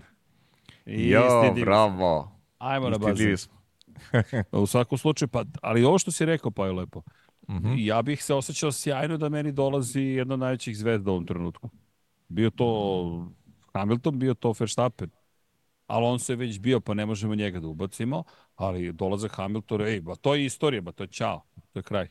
Pa to Šta god da se desilo. Srki kao profesionalno, mislim, kako se osjećao tokom onog Red Bull showa, pa si imao prilike da razgovaraš sa Kultardom, pa, znaš... Pa evo, osjeća se pa eto, fenomenalno. I, i, i, smo pričali i s Ivanom isto, onaj, onaj Kultardov dolazak takođe u, u, u, njegovu emisiju. Isto je ovaj pa, nešto ajde. što ti onako budi neku, neku posebnu emociju. Drago ti da jednu takvu pa, zvezdu možeš da, da ugostiš i da razgovaraš sa njom, znaš. Da li ti je smetalo što je kiša padala?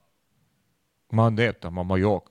Ma, nisam razmišljao. Bio Meni su smetale ne, neke druge stvari, ja se sjećam, ovaj, baš sam nešto bio ovaj, bez veze tog dana, ovaj, neki, moji, neki moji problemi zbog kojih je ovaj ECP je čaj i voda, ali, ali, ali, mi, ali, mi, ali sam uživao, znaš, popuno sam zanemario ovaj, neki moj lični osjećaj i neko stanje i duha i, i ovaj, Ma podigne. jako dobro sećam tog dana. Samo te podigne ali te podigne, uopšte ne razmišljaš ni o čemu, čist adrenalin, užitak, jer, jer si deo nečega što, što se u Beogradu nije desilo, ne znam, milion godina. Mislim, stvarno fenomenalan osjećaj. I, I to je nešto što ti daje elan. To je nešto što ti daje elan, što ti nosi napred. I onda ceo taj hype oko, oko Luisa Hamiltona, prosto, ja ne znam kako može da se osjeća čovek koji je, koji je tu deo organizacije, da, a da ne bude da ne bude inspirisan da svaki dan uradi svoj posao maksimalno jer ima priliku da radi za neko koji je sedmostruki šampion, što je to je stvarno mm, veliki događaj. Mislim treba i da bude i mora bude. Ne znam, meni je ovo promena istorije Formula 1. Možda zvuči kao preveličavanje, ali nije. Pa pogledaj interesovanje za Formulu 1 u ovom trenutku. Ja se ne sećam da je u februaru ovoliko ljudi pisalo na temu Formule 1. Pre testiranja, pre nekih ozbiljnijih priča, ništa se nije ovako nešto, ovako nešto, poput ovoga dešavalo. Pa da, pa da. Pa Izvinjam se, nisam baš spavao mnogo. Ne, lagano. Nisam, mislim, vidiš i po reakcijama ljudi koji, evo to, i, i dolaze. Kada smo imali u februaru mesecu, evo sad kako je došao Lewis Hamilton, tu su pozivi. Ovo, evo, evo, ljudi znaju da nisi tu, da si, da si u Čileu, da će komunicirati na ovaj način, pa evo, došlo je da večeras četvor ljudi je bilo još poziva. Mislim, možda uticala malo i činjenica da, da, da smo malo i zakasnili, ali, ali da, kapiraš, da, ovaj, sve, ne, sve okej, okay, ovaj, ali e, ljudi su tu. Znaš, ljudi su tu, prate, jer, jer, jer ima, ima mnogo interesantnih tema. A zamislite pa kad počne ove sezone. Dotakao si se još par stvari. Pričamo o tom voljnom momentu i o, o tome da veruješ u neki projekat. Osvrnuo bih se na tri prezentacije koje smo videli danas. Koliko veruješ u Haas? Pa ja ne verujem, iskreno. Znaš, ne ja, samo ti, kako Haas se oni verujem. osjećaju unutra. Da li ti kažeš, aha, s ovom ekipom ja imam budućnost, ili si neko ko gleda da li može da ode u neku drugu ekipu da radi? Pa to je ono, ja ti ja kažem, mislim da je Ginter Steiner kozmetička promjena, znaš. To je, Ginter Steiner je kriv što, što nema rezultata. Mislim, ne bi, bio, ne bi bilo ni, ni, ni, ni Mercedes, ni Luisa Hamiltona da oni tamo gore nije odvrnuo slavinu i gurno 100 miliona u ceo projekat. Znaš, to, to, to su te priče. Ovaj, uh, lepo Ali kaže, ajmo- naš, ali- naš narod lepo kaže, riba smrdi od glave. Mislim, to je, Uvek bilo. i uvek bilo i biće, tako da, znaš, Ginter Steiner je samo tu neka karika karika u lancu ovaj, i, i kako bih ti rekao, ne, zasluži da više bude tu, zato što nema rezultata, ali šta ćemo sa tobom koji, koji si vrh piramide? Mislim, šta, šta ti radiš ovaj, da, da, da bude bolje? Pa Znaš, ti si si ti faraon, uložio ti ne projekat. možeš da se Tako promeniš. je. Da, sve okej, ne možeš, ali ovaj, uh, zato Možda neću nisi da... baš na pravom mestu. E, upravo to, ali zato neću ovaj da, da, ovaj, da kažem, budem u tom nekom delu priče koji će, koji će javno da osuđuje Gintera ali- Steinera. Znaš, ali, to, ali to je gledam iz to. znaš. perspektive zaposlenog. Ajmo ovako, ti si u Hasu. Da li veruješ u Hasu? Pa da, pa veži, veži konja i ti gazda kaže, opet to je Ti to. si Znaš, samo ja, zaposleni, to je to. Znaš kako, mi imamo često ovaj, ovaj, te neke, ovaj, kako bih ti rekao, često znamo da budemo kritički nastrojeni prema, prema ljudima koji, znaš, oni su unutar sistema, unutar su nekog sistema ovaj, i tu su iz nekih svojih razloga, možda, znaš, mi im zameramo što su unutra, a nisu, nisu ovaj, otišli jer nisu mogli napraviti ništa bolje. A često i sami ne živimo tu priču, znaš. Često smo i mi zarobljeni unutar nekog sistema jer prosto i mi vidimo tu neke, znaš, ne možemo baš da uradimo sve što želimo, ali prosto, znaš, nemamo nekih opcija. Svi gledamo, svi gledamo da, da negde znaš, možda nismo spremni za, za neke promene, možda, možda nam nije tajming za, za tu reakciju ovaj, dovoljno kvalitetan. Svi prolazimo kroz različ- različite faze života, znaš. Uh, ostajemo negde gde možda nismo najsrećniji zarad nečega. Možda nam treba malo više hrabrosti da Kompromis. reagujemo, možda. Pa da, mora praviš neki kompromis, malo s iskustvom idu ovaj idu ovaj neke na, naučimo ovaj kako da kako da hendlujemo u nekim situacijama tako da naš zameriti Ginteru Steineru što, što misli da, da, da je pogrešno znaš iz tog nekog iz tog nekog razloga ali ali generalno ovaj ne verujem da će se znaš ja ću da kažem pogrešio sam ako ovaj čovjek o Japanac koji je preuzeo ovaj kontrolu ako on napravi neki pomak neka bude deveti u šampionatu ja ću reći svaka čast Znaš, jer to je neki kvalitetan pomak koji je napravljen. Jer, jer To ja stvarno... Kvali, kvalitetni i, i kvantifikativni. Dakle, Jeste, da kako, izmeriš kako god želiš, tako je, to je, znaš, to je više novca i ti si onda napravio nešto što sutra tebi omogućuje da svoj proizvod bolje prodaš, da možda neki vozači koji su talent, talentovani kažu sebi, aha, dobro, Ali- ovde, o, za moj razvoj dobro doći u kas. Trenutno Znaš šta sam- kas nije ni za šta. Htio da kažem, ali pazi, sad Kaži. Haas. Koliko veruješ u Zauber dok ne dođe Audi? Pa isto kao u Haas, moram ti priznati. To, to, to, to, ti govorim. Dakle, ti kada pogledaš, imaš ekipe koje nemaju suštinski vođe. O, kada pričamo o Luisu Hamiltonu. A, Jel Vateli Bottas vođa? Slaže se Srke, ali, ali pazi, znaš koja razlika postoji između Hasa i Zaubera? Znamo da Zauber ide u ruke Audija. Jeste i da ima budućnost. i da ima budućnost. Jer njima ovo na kratko, znaš, šta znači sada biti, biti dobar u 2024. i 2025. godini? Mislim, oni su svoju budućnost vezali za, za, za, za uh, Audi. Samo je bitno za vozače, da li mogu da zadrže poziciju. Tako je. Samo to. I to Samo to. to. Samo to. Ali, ali stalno vraćam priču na Hamiltona i taj odlazak koliko je važan. Evo koliko je Alex Albon važan za ekipu Williams. Kao i James Vowles kao šef ekipe. Ti kada pogledaš Vowles je dao neki smer tom timu i rekao mi idemo u neku bolju budućnost. Inače priča se sad da je spomenuo tokom intervjua kako je zapravo eh, neka mašina iz dinastije Ming na njega pozitivno uticala. Zašto? Jer je Mhm. razmišljao o tome da treba razmišljati na duge staze i da treba fokus prebaciti na sledeću godinu, sledeću godinu, dok ne dođeš do stadijuma kada zaista možeš da budeš konkurentan, a ne gubiti vreme na neke kratkoročne ciljeve. A dobio je i kratkoročne. I Alex Albona. E, kada Mhm. pričamo o Aleksu Albonu, Kaži? i to je spomenuto da je ponuda na stolu za tri godine. Peter Windsor, koji je prvično informisan i bio i menadžer i radio u timovima, sada je naš kolega, i rekao da prema njegovim spoznajama ugovor na stolu na tri godine da ode u Red Bull. Ponovo. Pa to mi, znaš, ne znam, znaš, to, je, to mi je... Mislim, Šta bi tražio naš... Alex Albon tamo? Šta da pobedi Maxa Verstappena? Pa ne znam, znaš šta bi možda tražio? Možda bi tražio priliku da ostane jednom dugom vremenskom intervalu u Formuli 1 i da, i da sačeka eventualno da, da, da Max Verstappen i on krene nekim drugim putem. Pa ne, ne mora bude znaš, nužno put Ferrari, vidjet ćemo ko se nametne. Jer znaš kako, ja mislim da tim momcima o jednom momentu ovaj, dosadi i to okruženje i da požele da malo probaju nešto drugo, da se dokažu u nekoj, nekoj, nekoj drugoj ekipi pazi, neće ni, neće ni taj Njui biti do, ovaj doveka u Formuli 1 i, i naučit će neko drugi posao, neće ni Red Bull biti dominantna ovaj, dominantna ekipa u narednih 7-8 godina, a pri, pritom Max Verstappen ima dovoljno malo godina da može sebi budućnost da odredi na nekom, na nekom drugom mestu. Pa vidjet ćemo kako će izgledati. Šta može Alba dobiti u društvu Maxa? Pa možda bude vozač broj 2 i dalje. Ma, ma, mislim, Alex je, to je bio onaj period kad je Max ljuštio konkurenciju i pobeđivo i Albona za ceo krug, pobeđivo i Pjera Gaslija. On je stvarno se poigravao sa, sa svima njima. Opet oni su mladi momci, Alex je umeđu vremenu i stasao. Uh, stvarno, ja, ja iskreno mislim da Alex može da radi ono što radi, što može da radi Čeko Perez. Pitanje je samo njegovog karaktera, koliko on prihvata to da, koliko se miri sa, sa, sa, sa ulogom vozača broj 2 u ekipi e, sa, sa kojim je već sarađivao. Pa pazi ovako, vođa Williamsa ili si drugi vozač Red Bulla? Pa da li, znaš... Šta je bolje? Pa trenutno, trenutno misli da je bolje vođa Williams. Jer vidi, mogu da se otvore vrata, razna vrata mogu da se otvore, uključujući i Mercedes. Šta, pa, James će... Walls neće ustupiti Alexa Albona Toto Wolff? Pa znam, to je Srkica pogled. Znaš, da li je po izjavi Tota Wolfa, da li je i, i Alex Albon taj koji je, kako si rekao, uh, odvažan potez, odvažan potez. potez. Što je Alex Albon iz mog ugla nije odvažan potez. Jedno od, od, jedno od prihvatljivijih rešenja koje se nudi na tržištu je Alex Albon.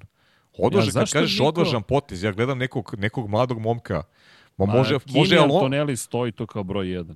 Kimi stoji, ali odvažan, pazi, o, odvažan potez, mislim, odvažan potez možda bude Alonso, ali iz perspektive njegovih godina, ne kvaliteta. Znaš, ili to možda bude odvažan potez? Jer, znaš, ti, ti daješ u ruke bolid na recimo tri godine nekome ko ima 40 i kusur. Znaš, to je odvažan potez. Veruj mi, znači nije to sad mi pričamo, to je Nando. Pa da, to je Nando, ali Nando koji već ušao, zagazio debelu u petoj deceniji života. To je mnogo bitna razlika u odnosu na, na nove, nove klince koji su, koji su talent. Klinci, oni su iz njega klinci. Može mnogima od vozača otac da bude. Realno. Pa može. Pa može, zaista može. I mislim može. da je odvažan potez dati njemu ovaj, dati njemu recimo ugovor na, na tri godine recimo. Što pa odvažan pa, pazi, potez. na dve godine da mu daš je odvažno. Pa jeste. Ti utičeš na novu eru. Kako ne? 2026. godine ja mislim da moraš da imaš vozača s kojim želiš u 2026. 2025. u timu. Tako je. Mislim da moraš da ga imaš. Tako I to je isto ono što je Hamilton uradio pre prethodne baš velike promene, prelaska na hibridne pogone, jer 2013. je otišao i to je bila sezona kada se završavala era atmosferskih motora. I isto je ponovio ovog puta i svi pravimo ista poređenja. 2025. je priprema za nova pravila. Da, da, pa da. Ne, tad moraju da... ekipe, ove, ove, ove, pogotovo ove bolje ekipe, bolje. A mislim, svi moraju generalno da imaju 2025. postavu s kojom će ući u 2026. Mislim, to je, to je mm, nešto što je amin. I, i mora ja se Ja zaista ne vidim promenu u kontekstu toga da kada nekoga potpišeš za 2025. da ga nećeš zadržati za 2026. I ono što je pitanje, da li Alonso želi da se trka i 2025. i 26. To je, to je veliko pitanje. To je veliko Znaš, mi pitanje. podrazumevamo, ali on čovjek je izašao iz penzije. Hasan ne piši. Hasan ne piši nam ovi. Hasan ne javi nešto. nam šta je odlučio. Javi nam. Jel hoće nam da vozi 2026. ili neće? Da, i da se dotaknemo, pa jo, još jedne velike stvari, a to ti je povećanje kalendara. E, bravo, Znaš, da, bravo, bravo. Kako će to da utiče na Alonso? On je već rekao Tako ove je. godine da mu je mnogo 24 trke da vozi. Jeste, a pritom imaš, imaš nije to 24 trke, ti imaš i sprint tu, koliko sprinteva imaš? Imaš, Šest, tako beš? Da, ali zavisi šta će biti sledeće godine. E, da. ajde kada spomenješ, moramo da napomenemo koja se promena desi, ali to nije jedina promena. Ajde, ajde. Dakle, ono što je odlučeno, imamo šest sprint trka inače ove godine, čisto da se podsjetimo kao što si rekao. Međutim, šta će se sada dešavati? Petak, prvi trening je nezvanični trening, dakle treniramo. Zatim, drugi trening su zapravo kvalifikacije za sprint koji se održava u subotu ujutro. Posle sprint trke, dolaze kvalifikacije za glavnu trku. I u e, nedelju se vozi glavna trka. E, iskreno, moj komentar sviđa mi se, Srki. Ako već mora bude sprinta, okay. ja sam subotom spavao, znaš i sam. Dobro. Najiskrenije. Meni je, meni je dobro, dobro. Da, nije, da nije bilo mog kolege Srđana Ercega, ovaj, slušali biste mm, mute bi bilo.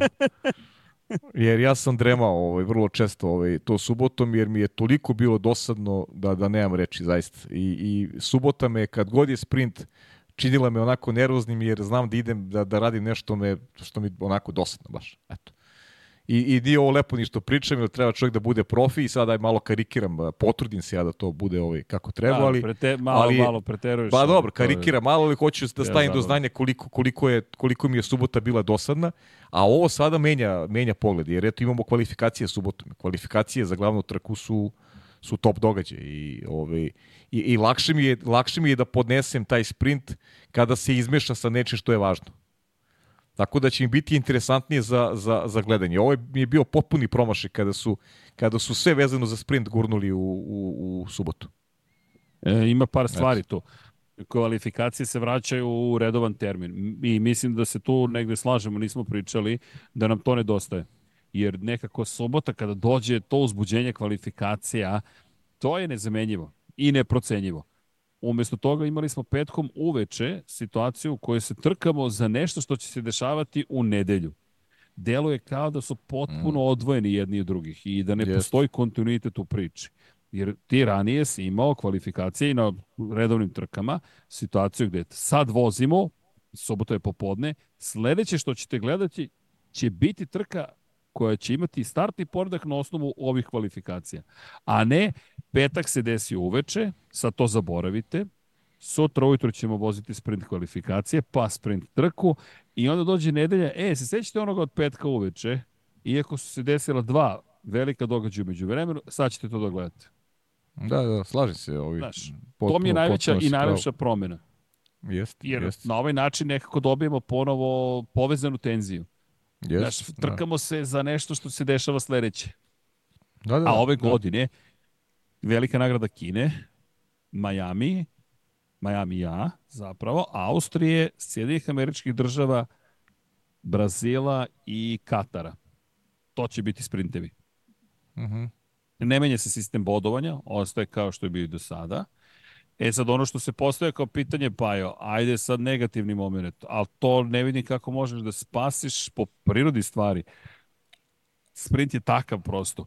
Šta misliš, koliko će biti agresivni u subotu pre podne, kad znaju da u subotu popodne voze kvalifikacije? Uh, biće isto agresivni kao što su bili prošle godine, znači neće, neće, neće biti agresivni, ali, na, ali nama, navijačima, publici, u stvari, uh, ostavlja nam, ostavlja nam priliku da, da uživamo u sva tri dana. Eto, to je moj pogled. Sad ne znam da li ga ljudi dele, znači tu smo da- Jasno. da da razmenjujemo mišljenje. Meni je subota bila sa, sa isključivo sprint formatom mi je bila nezanimljiva. Znači, bilo mi je onako promašaj. Sad ti imaš svaki, svakog dana, petak, subota, nedelja, imaš nešto što, što ti donosi neki, ne, neki, neki značaj. Sam po sebi je trening značajan, zato što je važan iz percepcije onoga što nas očekuje, pripreme, ne znam, taktike, tempa za trku, dakle možemo tu da vidimo svašta nešto. Uh, imamo kvalifikacije subotom, imamo to onaj, onaj klasičan trening, klasičan vikend Formula 1 i tu su udenuta eto te dve akcije vezano za, za, vezano za sprint sa akcentom da eto ti u subotu onda Srki imaš ti u subotu recimo imaš dva, dva dobra događaja realno. Ti imaš jednu trku, to će koristiti ovi vozači koji eto možda imaju tu osjete priliku da mada neće se mnogo promeniti naravno u odnosu na prošlu godinu nije, nije bilo ajde seti se neke neke sprint trke koje je obilovala nekim uzbuđenjima prošle godine. Znaš šta je meni bilo najzbudljivije? Da Haas osvoji poene. Pa da i to je pa to, da, to Austrija to, pa prošle da. godine. Jest, jest. Da, da li će uraditi promenu guma ili ne, jer nisi obavezan da menjaš gume u sprintu i to, to mi je bilo najzanimljivije. Da vidim da li neki manji tim nekako može da dođe do poena. E, znaš da šta si sada izgovorio upravo? Ne. Rekao si nešto što bi moglo da da draž sprintu. Eto, recimo. Okay. Ta, to neko pravilo. Ajmo naš u sprint trci da kažemo obavezno je menjati gume. Aha, okej. Okay, Znaš, okay. da dobiješ tu neku nam i vrstu. set. Ali dajte, da, e, bravo, ali dajte nam dodatni to. set. Ne, nemoj da to utiče na, nemoj da to utiče na nedelju. Dajte nam dodatni set. Ajde malo, znaš, da napravimo neku, neku zanimljivost, da tu ima nekog uzbuđenja. Ajmo da, ma, makar, makar ga napravili, možda ne, ne donese ništa specijalno. Ali, ali jedno stajanje u boksu, tajming odlaska, ne znam, može možda malo da promeni neku dinamiku. Loše reakcije mehaničara tera i mehaničara da budu budni ovaj, u, u subotu tim nekim, ajde da kažemo, ranijim satima pred početak kvalifikacione sesije. Ej, pa pazi, znaš šta mi pada na pamet?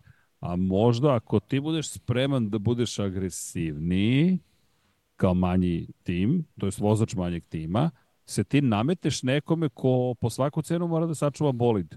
I kaže, čekaj, bolje ja da pustim ovde, ali, Da. ali, ajde da sanjamo malo, s druge strane, kažeš tebi, čekaj, ovaj manji tim bi mogao da me ugrozi u šampionatu. Znaš, duel Hasa, Williamsa, Zaubera, Racing Bulls, ne znam kako će oni izgledati, pa možda to dobije neku priču. Mada, Pa da, dalje nešto- se bojim Pajo da izmišljamo ti i ja. Pa bojim se ja, pričali smo ranije ovaj, šta su neke naše ideje bile, znaš da su oni hteli da, da pravi taj inverzni, Inverzni start, start. i da, da to bude malo drugačije, međutim nije se, nije se desilo. Ne znam kako motivisati i stimulisati te, te manje ekipe nekako, znaš, da možda ne, ne dobijaju tih 10 vozača poene, već da se nešto i njima, da oni imaju neku svoju bitku ovaj, za plasmu u šampionatu, ne znam, ali je prosto ostaje isto kako je bilo, manje i više, malo su Eh, promenili pa. samo raspored. Mnogo su obećavali, na kraju ovaj, Pajo, ostalo je manje i više sve isto. svodi se na to da pustiš Andreti u šampionat i da vidimo da li su brzi ili nisu. Da. I ako pa su brzi, onda i ostali moraju kaže, čekaj, sad tek nemamo poene. Negde mora da se promeni igra. Pa negde, negde mora definitivno da to, to Ali nema, za nema sada dileme. kozmetika. Mada, ajde da se nadamo ovo što si rekao, da ovo neće biti samo kozmetika. Već zvuči bolje svakako. Pa zvuči, I- da, zvuči bolje, kažem iz koje srki perspektive, ne, zvuči bolje, dinamičniji će vikendi biti za praćenje. I ne samo to, nego petak meni nije prirodan za kvalifikacije. Iskreno, meni je petak razmišljanje sledeće. Ok, nama je to rad, ali to je radni dan. Znaš, ti umjesto da sedneš kod kuće i kažeš, ej, subota Tako ili gde god da si, daj Tako malo je. da se opustim uz moju omiljenu zabavu, Formulu 1. Ja sam sada u nekoj trci na poslu ili sam u putu, vraćam se kući, razmišljam, treba pokupim decu iz škole. Kako crne kvalifikacije? Pa pogotovo kad su u tom terminu 3 ili 4 petak. Znaš, nema, nema Nemoguće. svrhe, nema svrhe, ne, ne, znaš, ko, ko može na ovom svetu ovaj sebi da, da, da priušti, u stvari, ko može kod kuće to da odgleda, ajde. Onako, Samo se na kaže, uvalja dođeš. neku fotelju da uživa samo na stazu ili da nešto gledaš u telefon, da ovaj, tražiš neki, neki live stream da bi, da bi negde usput onako ili, ili, ili, ili ne daj Bože pred kraj radnog vremena, znaš. Da, ovako to je, da, da, ne daj Bože. Da, da, da. Da, ovako gledaš sprint kvalifikacije negde usput, znaš da nisu toliko kritične, a opet su zabavne. Ok. Pa da, jesu, ali, ali to, to da propustiš kažeš ok, znaš, ne mora Nije sve da drama. pogledam, ali nije drama, ali, ali da propustim kvalifikacije za trku i trku, to je već, Da. znaš, nis- ti termini subote i nedelja moraju da, da budu sačuvani. Eto, to, eto, to je neka pozitivna a promena, očekivali smo ih i više, to ostalo Ej, je samo na, ima. na tome da. Ima par, par stvari jedna velika promena iz perspektive zapravo priprema timova za ovu sezonu. I kada pogledaš prethodnu godinu, već se ovo dešavalo, a to je broj motora, to je pogonskih jedinica, to je delova pogonskih jedinica koje možeš da koristiš tokom godine. Ponovo su stavili da po vozaču četiri motora sa unutrašnjim sagorevanjem će biti u upotrebi i ove i sledeće godine. Da se ne -hmm. razmišlja o 2025. Što -hmm. opet dozvoljava timovima da budu malo agresivniji, da manje vode računa o pouzdanosti, pošto sada imaš po četiri motora po vozaču i ukoliko neko planirao, direktno mislim na Ferrari, da ima možda jači motor, manje pouzdan, to je bila osnova od koje je krenuo Matija Binotto, onda si u situaciji da sada kažeš, ok, možemo da izdržimo ovu godinu. Jer Ferrari, sveti se prošle godine, počeo je sezonu otkazivanjem kontrolne elektronike. Jel, jest. jel stao bolid bukvalno Charles Leclerc u Bahreinu? Jeste, jeste, bukvalno. Udarac je dobio dečko knockout, knockdown praktično, nije baš knockout. Na početku sezone. Da, odmah bilo brojanje. Prvoj rundi. Bukvalno. I ti sad imaš situaciju da imaš više motora na raspolaganju. Čekamo inače da izađe novi pravilnik, gde se jasno vidi, inače možete da ga nađete i vi na sajtu FIE i vidjet ćete ljubičastim slojima sve što je novo u odnosu na prethodnu verziju pravilnika. I ima još jedna bitna stvar koja će možda, možda ozbiljno uticati na trkanje ove godine. A to je da direktor trke ima pravo posle prvog kruga trke da aktivira DRS. Mhm, da, to je, to je bitna stvarno promjena. To je za to Maxa je bit... Verstappena bitno, to je za njegove rivale. Da, da, da. Jer pa je on pobegne jest. u prva dva kruga do trećeg, to je čao. Niko nije u jednoj sekundi, nema Tako je bilo prošle godine. Da, da. A ovako, moraš da ostaneš uz Maxa, pretpostavljam, mm -hmm. do mhm. kraja prvog kruga u DRS-u, dakle u jednoj sekundi za ostatka i onda kao Sainz prošle godine u Monci da ga stalno pratiš, pratiš, pratiš, pratiš, pratiš. Jeste, jeste, jeste. Dobra, dobra odluka. I Slažem to se. mislim da će biti super, jer to utiče i na strategiju. Čak i da nisi brži od Maxa, možda možeš na različitu strategiju da ideš, pa da prvi menjaš gume, pa da ga tu pretekneš, pa da ga makar teraš na bitku. To je ono što je nedostalo 2023. godine. Mislim da su rivali olako odustajali ili ti nisu pokušavali. Nekako su se fokusirali na te pozicije 2, 3, 4, bili su spremni da uzmu taj manji ulog jer su digli ruke, jer su previše hvalili Maksa i, i pravdali, pravdali svoju nemoć moćnim Red Bullom. Umesto da, znaš, to je sport. Ovaj, dešavalo se kroz istoriju da, da ovaj, David pobedi Golijata. Znaš, ali moraš samo da probaš, moraš da imaš taj pristup i veru u sebe. Znaš, u ostalom, Ovaj, znaš da sam gledao i Ferrari ovaj film, Ej, se gledao? A, ali, ali, sam, ali sam gledao i Race for, for Glory, mnogo I? jači, ovaj, mnogo jači utisak, jači film, ovaj, uh, jači film iz mog ugla. Možda sam malo više očekivao od, od Ferrarija. Ali sam se setio Race for, for, for Glory kad sam rekao da Dajd možda pobedi Golijata. Znaš, to se dešavalo kroz istoriju, ali to je samo pitanje pristupa stava. Da li si, imaš taj pobednički stav ili ga nemaš. Možda pokušaš. Ako ti digneš ruke u startu i kažeš ja to ne mogu, pa onda neće da uradiš ništa. Znaš, to je, to je vrlo, vrlo prosto u sportu. Pa vrlo prosto u sportu. Mora da nađeš ovaj, sve, sve što je moguće da pronađeš kako bi, kako bi, ovaj, kako bi pokušao da pobediš. Pa ako ne uspeš, kažeš ok, nisam uspeo i to je to. A neko mi utisak moj prošle godine da su svi digli ruke i da, da se nisu ni borili sa, sa Red Bullom. Sa izuzetkom Carlosa Sainca i ovaj, u ta dva navrata i bilo još eto nekih, ajde da kažemo, uh, sporadičnih priča koje su, koje su ličile na nešto što treba da izgleda i kao i taktička borba i, i borba na stazi sa, sa neki koje, koje je apsolutni vladar bio u 2023. E, inače, kada spominjemo ovo pravilo, važiće i kod ponovljenog starta. Dakle, direktor trke ima već posle prvog kruga restarta pravo da aktivira DRS. E sad, ostaje pitanje da li će to direktor trke učiniti, jer na njemu je, ima diskrecijno pravo da on aktivira kada želi. Dakle, mm -hmm. nije to njegova obaveza da, da, da, da. da posle prvog kruga mora. Ali ja držim palče da će se to zaista desiti. Da, pa, evo, mislim. Viktor Šumanovski kaže posle drugog sektora. da, da, posle drugog se odmah, da, posle drugog sektora. Pa, to je samo, znaš, pitanje osjećaja neko ko, to, to treba bude neko ko, ko je popuno neutralan, ko osjeća trke na pravi način i ko, i koji ovaj je spreman ovaj da da reaguje na, na ne, ne da bude uh, opredeljen uh, prema nekom vozaču ili timu, već već da bude da bude onako nastrojen dobrim trkama. E, ta, takav čovjek nam treba za, za, za šampionat. E, Nadam da, se ima- da će, da će prepoznati situaciju. Ima tu još treba. par stvari, a to je, evo, pitanje des, zašto sam u Čileu? Porodica mi živi u Čileu, Mm, da. moj rođeni brat je 25 godina u Čileu i onda svakog februara pobegnem na dve nedelje ili tri, zavisi, ali ove godine je toliko sve gusto da, da, da je bilo pitanje da li ću ići, ali ne mogu da ne dođem da vidim što brata, što klince. A, tako da nije posao, ali kao što vidite, ne mogu bez podcasta. Da. Tako da pa i ja smo rešili da i sutra deki. E, da sutra radimo. si ti deki, jeste? Da, da, da, Super, uz, pa imamo puno toga. I počinju testiranja, Pedro Acosta, divlja, svašta se dešava. Super, Tamo su super. neke druge priče. Da, inače, ima dobro pitanje, Mhm. a to je, pazi sad ovo, zašto se dozvoljava i dalje da vodeći, na primjer, i ne samo vodeći, nego i drugi vozači, kada sustižu nekoga za ceo krug i dalje mogu da koriste DRS.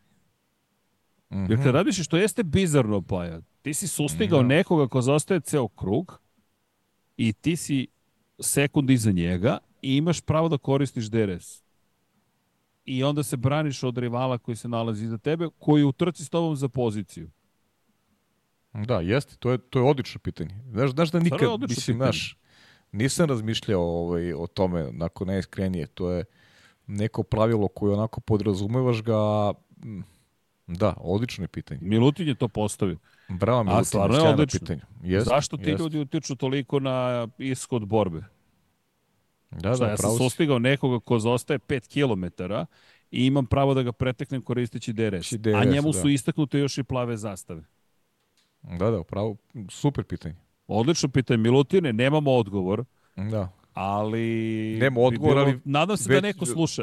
Već vidim sebe kako bih ukinuo to pravilo, da. Ko je tako, istog trenutka. Da, bravo, bravo Milutine, da, super, super Da, zapažanje. ovo je odlično. Jeste, jeste. Tako da, ne znamo, ali pa, možda, je- verujem da još neko postoje to pitanje negde. Pa verovatno Dakle, da, da jeste. Pajo, verovatno koliko da puta jeste. smo videli te situacije? Koliko hoćeš. Koliko hoćeš puta. gde se bukvalno desi. Sjeti se Maxa u Teksasu 2022. Ili čak prve možda. Ne, prve. Istakao inače tu trku kao jedno njegovih najboljih. Kada je sustigao nekoga, možda čak Haas za ceo krug i tako se zaštitio. Da.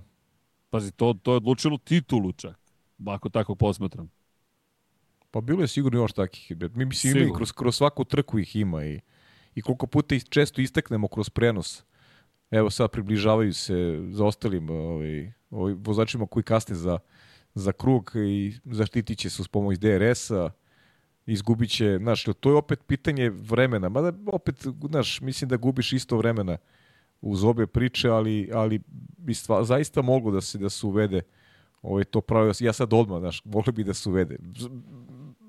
Mislim da je dobro, eto, eto Milutin još jednom svaka čast. Mislim da je da je generalno i pitanje na mestu i i, i, i Da. volio bih da možemo neko da priupitamo u temu, kao što je, evo, obećao je Hasan, oglasio se, rekao da će da pita Alonso u Bahreinu ovaj, da li sebe vidi u Formuli 1 u 2026. To, Hasane! Ima, imaćemo, imaćemo ekskluzivu od Hasana, da. Sjajno, hvala Hasane. E, Da, inače, evo komentari. Jeste, velika nagrada SAD, Haas je bio u pitanju, Mick Schumacher. Da, da, sve to mi je u, u, u glavi, ali mada ko su komentari više mu je smetao. I J.R. Smith koji kaže vozač koji prestiže, dobije par desetinki preticanjem sa DRS, ali isto tako izgubi par desetinki u prljavom vazduhu, tako da kompenzuju da to ukupno bude otprilike 0-0 i koliko je moguće blizu. Dobro, ali ima i plava zastava, treba da ih puste. Da. da. Ok, ima i ovo smisla. Pa ima smisla tu, znaš, dobijaš i gubiš matene ovaj, dobio identično ovaj, neko vreme, ali, ali ovaj, da neke stvari bi mogli da se promene definitivno. Da, inače i jedno dobro pitanje takođe De Banja kaže F1 se toliko trudila da otvori američko tržište i sada odbija američki tim. Zašto? Pa do, to je to sad F1, to je To ono što smo u, u pričali. kombinaciji sa timovima i Pa Pajo, to je sada merenje. Ako je Pa da. reakcija prekomerna publike i Formula 1 vidi da gubi, onda će gotovo sigurno pustiti Andreti da uđe. Jer, ako, jer to je samo pitanje novca. A da li je Formula 1 išta izgubila od kada je saopštilo da Andretti neće biti u šampionatu? Osim ljutih reakcija gledalaca, je li izgubila novac? A nije izgubila ništa, to je ovaj sada period kada Formula samo dobija, pritom imali smo Hamiltona već sutra. Sutradan, bukvalno. Tako da, znaš, Formula 1 trenutno nije na, na gubitku i može sebi da priušti eto ovakve stvari i da odbijaju takve likove kao što takve, mislim, porodicu Andreti. Uh, mislim da bi, Andreti da bi odbili sada svašta nešto. šampion, jedan od samo dva Američka, koji dolazi da. iz Amerike. Jeste. I opet nije bilo dovoljno da on i njegov sin i porodica budu zalog toga da će uraditi dovoljno dobar posao, kao i da njihova imena vrede dovoljno da unaprede vrednost Formule 1. Bože Nema smisla, osim, tako je, i pregovori. Trenutno, da. Ajde da mi vidimo da li smo išta izgubili, koja nam je pozicija. I ako sutra Ali... budu morali da puste General Motors, da znaju na kojoj poziciji se nalazi ko u tim pregovorima. Da. Surovo je, mi to nikad verovatno ne bismo uradili, ali zato mi nismo izvršni direktori Formule 1. Tako je.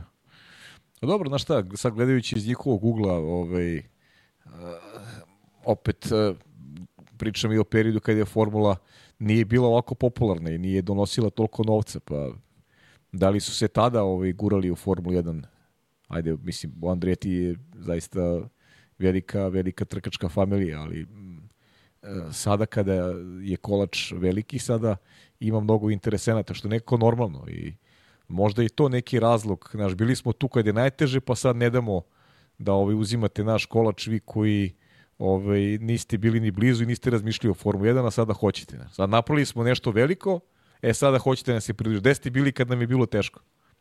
Mislim, Čuveno, znaš, gde si bio kad sam bio kad sam bio, kad sam bio niko, da, baš tako. Čak i ja nešto kao, znam. Kao, da. kao što pesma kaže, da. Ovaj, ali a, to nije razlog da, da Andreti bude konačno odbijen u konačnici. Stvarno mislim da oni imaju neku povratnu informaciju koja je po njih i bolja. E sad, šta će praksa doneti? Nekako ih i dalje vidim u igri ovaj, u godinama koje slede kako će se sve to ovaj, na kraju završiti i nadam se pozitivnim odgovorom kada je porodica Andrejtu u pitanju, ipak nisu oni bilo ko, nije sa to neko koga šire javnost ne poznaje, pa kao eto ja sam sad poželao da uđem u Formu 1. Mislim, takvi treba odbijati, ali ovo je i veliki proizvođač i, i, i velika, velika trkačka porodica koja očigledno ima velikih ambicija, pa ajmo da im damo šansu. Inače, da ne zaboravimo ono što, što nam je bila navodno tema, a to su uh -huh. lansiranje novih bolida. Dobro. Poš, pa da, da ne zaboravimo taj de, detalj. Da ne pobegnemo od teme, da. Da, ako smo, ako smo promenili thumbnail i slušate ovu snimku i naslov, da znate da je plan bio da pričamo o lansiranjima bolida, ali lansirali su samo boje, bukvalno. Nije, ima da. tu par stvari koje su se videle, ali nažalost nemamo mogućnost da, test, da, da testiramo, slušaj, testiramo. Da pokažemo. Da analiziramo. Posle testova ćemo to moći. Pa da, Hasane, da, da, da. molim te, fotke i fotke, samo fotke. Kao i prošle godine radit ćemo tehničku analizu kada se pojave na stazi. Jer pa jo, mi ovde možemo da komentarišemo da je, ne znam, Has promenio opet gde je bila bela, gde je bila crna boja, vrte u krug praktično gde je koja. Pa da, i da imaš website zvaničnih hasa na graničnim pločama prednjeg krila, zatim da je Zauber postao zelen, rezedo mhm. zelen, kao da je izašao iz neke igrice iz 80-ih, bukvalno. Ne, uskrali su nam thumbnail. Jao, pajo, mlade nade imaju zeleni okvir kod nas. To su gledali... To? A, Jao, da. čekaj, Andrej, Andrej Petrović, Andrija Kostić, Čekaj, ajde da pohvalimo Andreja Petrovića. E, bravo, da vi što Počeo da vozi u Saudijskoj Arabiji Formulu 4 i odmah najbolji Novajlija i plasma na pobedničko postolje. Bravo, Andrej. Bravo, stvarno, da. Video sam svaka čast. Baš je bilo svaka dobro. Čast. A pritom, sledeće nedelje na simulatoru Van Amersfoort ide Andrija. Tako da, deca se šire po svetu. Svaka im čast. velika, Ja, velika podrška. čast. Ma kako ne. Inače, možete da gledate, mogli ste da gledate trku iz uh, Saudijske Arabije na YouTube kanalu zvaničnom. Tako da, eto, čisto da imate informaciju šta se, šta se događa gde i kada. Da, Da, inače, Andrej, Kaži, kaži, završi. završi. Andrej je trenutno četvrti u šampionatu. I u prve četiri trke bio je peti i tri puta treći. Jako lepo. Jeste. Tri podijuma. Jeste. Sjajno. I svaka čast na tome. Izjednačen je inače po broju poene sa treće plasiranom. Ako se ne Sagira Almušerđi, ako dobro čitam. Tako da, eto, pratit ćemo, izveštavat ćemo se o tome i jedva čekam da vidimo i Andriju. Andrija će u Balatonu krajem aprila sesti prvi put u bolid kada je reč o trci. Tada kreće centralna evropska zona, Formula 4 i odmah posle toga Mizano Formula 4 italijanska. Ali eto, imamo šta da pratimo i za koga da navijamo. Inače, Imamo. za šampionat, kada je reč o Saudijskoj Arabiji Formula 4, sad 8. i 10. februara, dakle vrlo brzo, se održava druga runda. Tako da znate. Isto mesto, Kuwait, Motor Town. Al, Ali Sabah, Al Salem. To će biti mesto poprište duela i onda Lusail, dakle Grand Prix staza, 14. 15. 16. mart, pa Džeda, dve trke, 28. 9. i 30. i 5. i 6. aprila. Eto, tako da znate. Tako da navijamo za Andreja, navijamo za Andriju i čekamo. Ovaj, aj kad, kad se budeš vratio, dobio si još neke poruke za, Dobro? za neke momke svojih prostora koji se takmiče u nekim drugim serijama, pa ću Samo kad budem šalji. garnirao, da, da, kad budem garnirao, pa kad budemo seli, ovaj, nije loše, nije zgorek da, da apostrofiramo ovaj, eto, i, i, i, i te vozače, pa da eto malo pratimo i njihove karijere, možda i da ih ugostimo. Da, evo mestu, Armin ali, Hadžić. ajde, kaži. Inače, kaže, nije baš tačno da ne može da se analizira bolid sa fotografije, već je pun internet analize hasovih rešenja i inspiracija RB od prošle godine. Armine, pa, gledali smo ih. Bočni otvori su slični i Red Bullu, fakat. Međutim, ono što ne znamo jeste da li je to konačno rešenje ili nije. Da, sa, samo to. Ništa drugo. Da se ne zalećemo i sad uradimo analizu da Pa dobro, i kažemo to je- dešava se to, to, to, to, to i to, a Anastazija osvane nešto drugo. Ali ste u pravu, niste se lepo ne bude ništa, da, da. Tako je. Pa zato i čekam predsezonsko testiranje, više ćemo se bavimo tim nekim, da kažemo, Ne, e, stvarima da. koji su tehničke prirode. Ognjen Radivojević kaže, Srki, Alpina, sto puta pitam. Alpina je prošla crash test, tako da Alpina stiže. Da, ali zar nismo to, taj info smo imali, čini mi se... i Jesmo na- imali u četvrtak? Jesmo, da, u četvrtak, da, pričali smo o tome, Dobro. da. Da, inače, da su prošli. Snake BGD kaže, nije to rezedo zelena, izvinjam se, fluorescentno zelena je. Ovo je hemikalija ninja kornjača. Ok. Hemikalija Ninja Kornjača. da, otprilike tako nešto. E, inače, pitanje je na koju ići trku najbolje. Uh, Na sve, na sve. Aha, To je najbolje, ovaj, ko može. um, znaš kako? Gde pa, pa šta da kažemo, gde vam je najbliže ljudi za početak? A, Ukoliko niste nikada bili gde god odete, bit ćete srećni. Ja Ja iskreno bih- da kažem, ja bih išao u Da. Bahrein. U Bahrein? A ako možete da idete, ja bih išao u Bahrein. Što Bahrein? Pa zašto je prva? A to, okej. Je Dobro. tako? Bah, ili Bahrein prva, jeste? Jeste, jeste, Bahrein je prva i Bahrein. test je u Bahreinu. Pa da, ja bih išao u Bahrein zato što ćemo dobiti dosta odgovora ovaj u Bahreinu. U stvari spoznaćemo da li su se rivali približili Red Bull ili nisu. E, inače, I- Necko... jedva, čekamo ovaj Bahrein. Iz, izvini, kaže, se to nahvatao Starlink, ne prekidate nikako. Ne, već smo na mestu gde ima i brz internet, ali sam sačuvao kabel od prošle godine LAN 25 metarski, jel te, 1000 kroz 1000, to je jedarka, nema šta 1000 kroz 1000, i razvukao sam ga po celoj kući, tako da znate. Eto, uči se.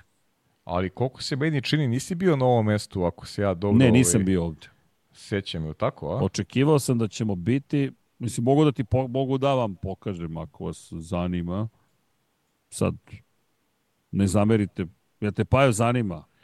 Što da ne, mislim, Aj, ti čekaj, znaš čekaj. kako, ti je sad ono, on, onaj novinarski deo, razglednica, znaš. Razglednica, aha. Pa da, Ček sad ova novinarski deo. razglednica, znaš, znaš koliko kablova je. Kao, niste, niste bili u Čileu, e pa, dođite ovde. E, čekaj sad.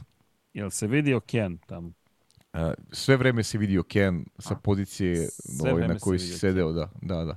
Evo, tamo su komšije, cveće, ovde je dnevni boravak, kabel je tu kao što vidite, ovde je sva moguća oprema, evo da vidite šta sam sve uradio, jel te? I ovde je neki šamac, nemam pojma šta je ovo, školjke neke, cveće, nije baš zaliveno, i tamo dole je plaža, očigledno.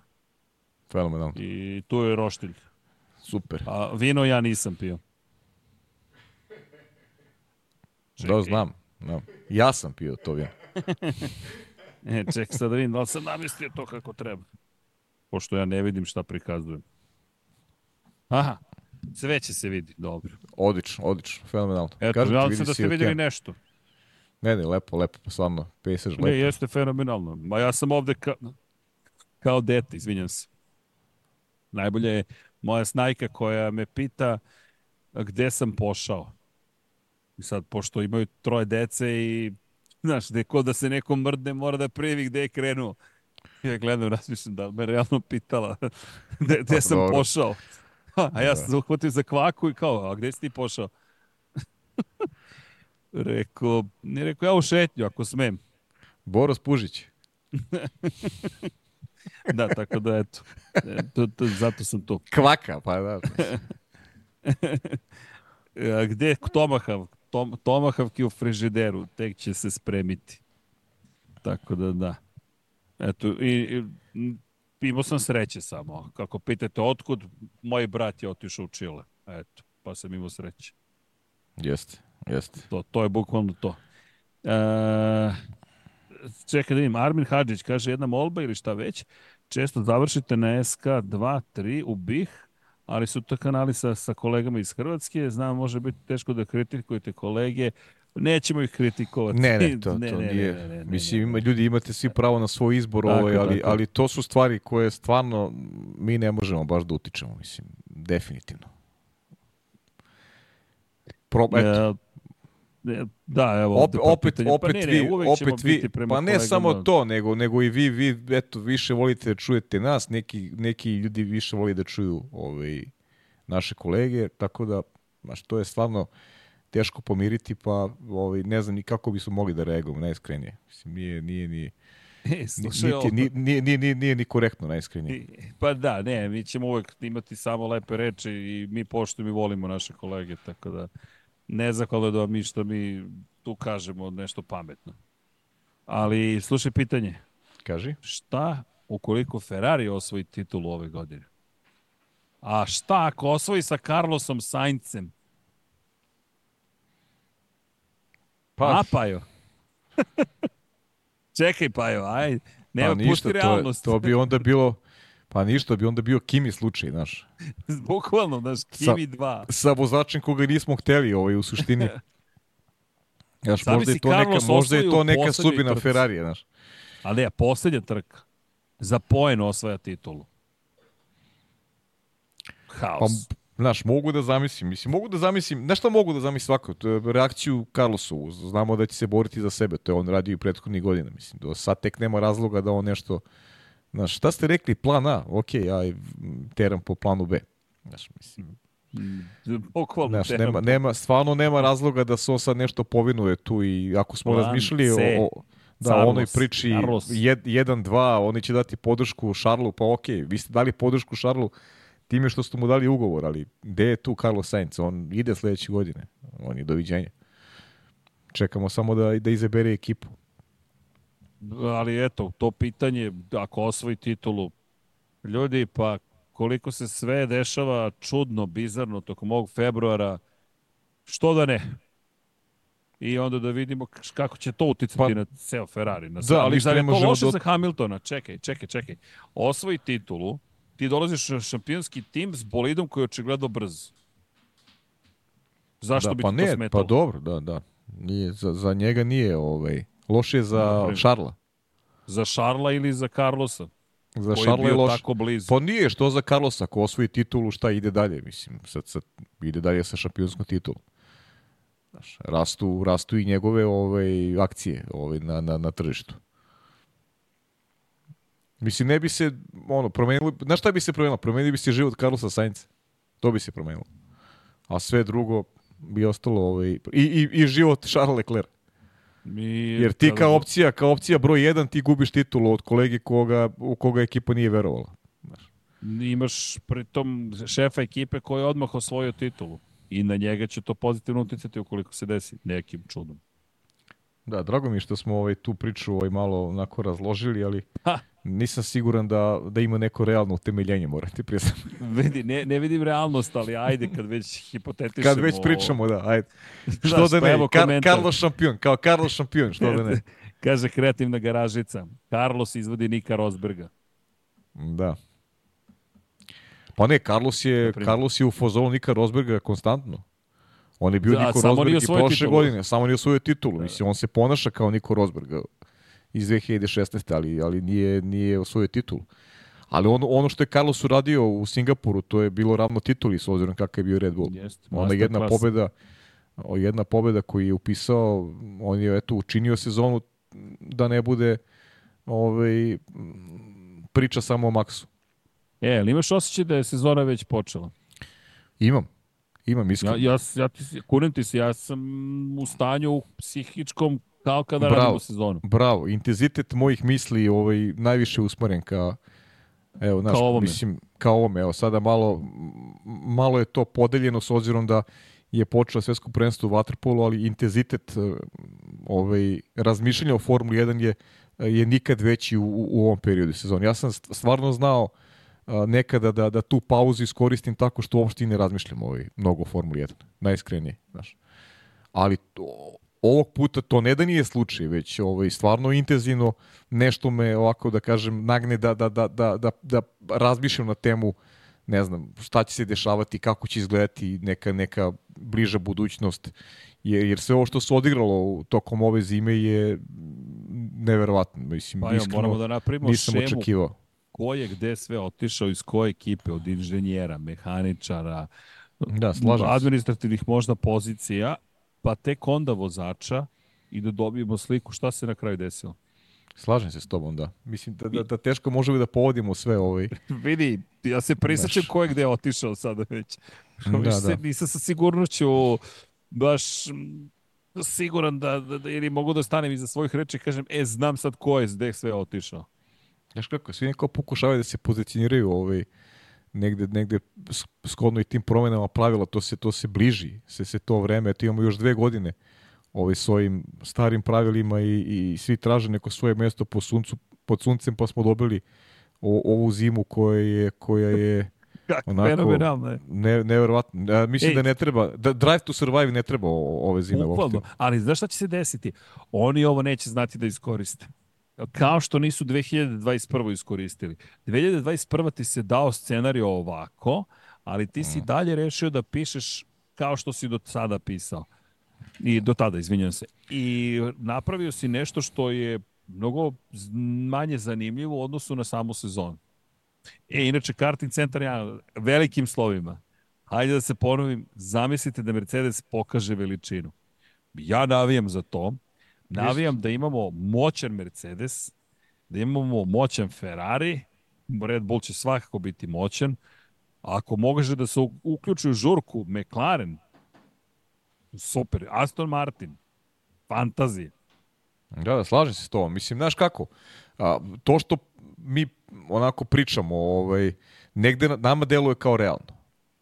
E sad, a, ja stvarno nisam od tih koji zato što ja nešto pričam pa bi to želeo da se desi. Ne, ja bih želeo da se desi e, potpuno suprotno. Da i Carlos Sainz ima ogroman utjecaj na šampionat, da Lewis Hamilton bude silno motivisan, da Mercedes ima spreman bolid koji nje možda omogući borbu za titulu.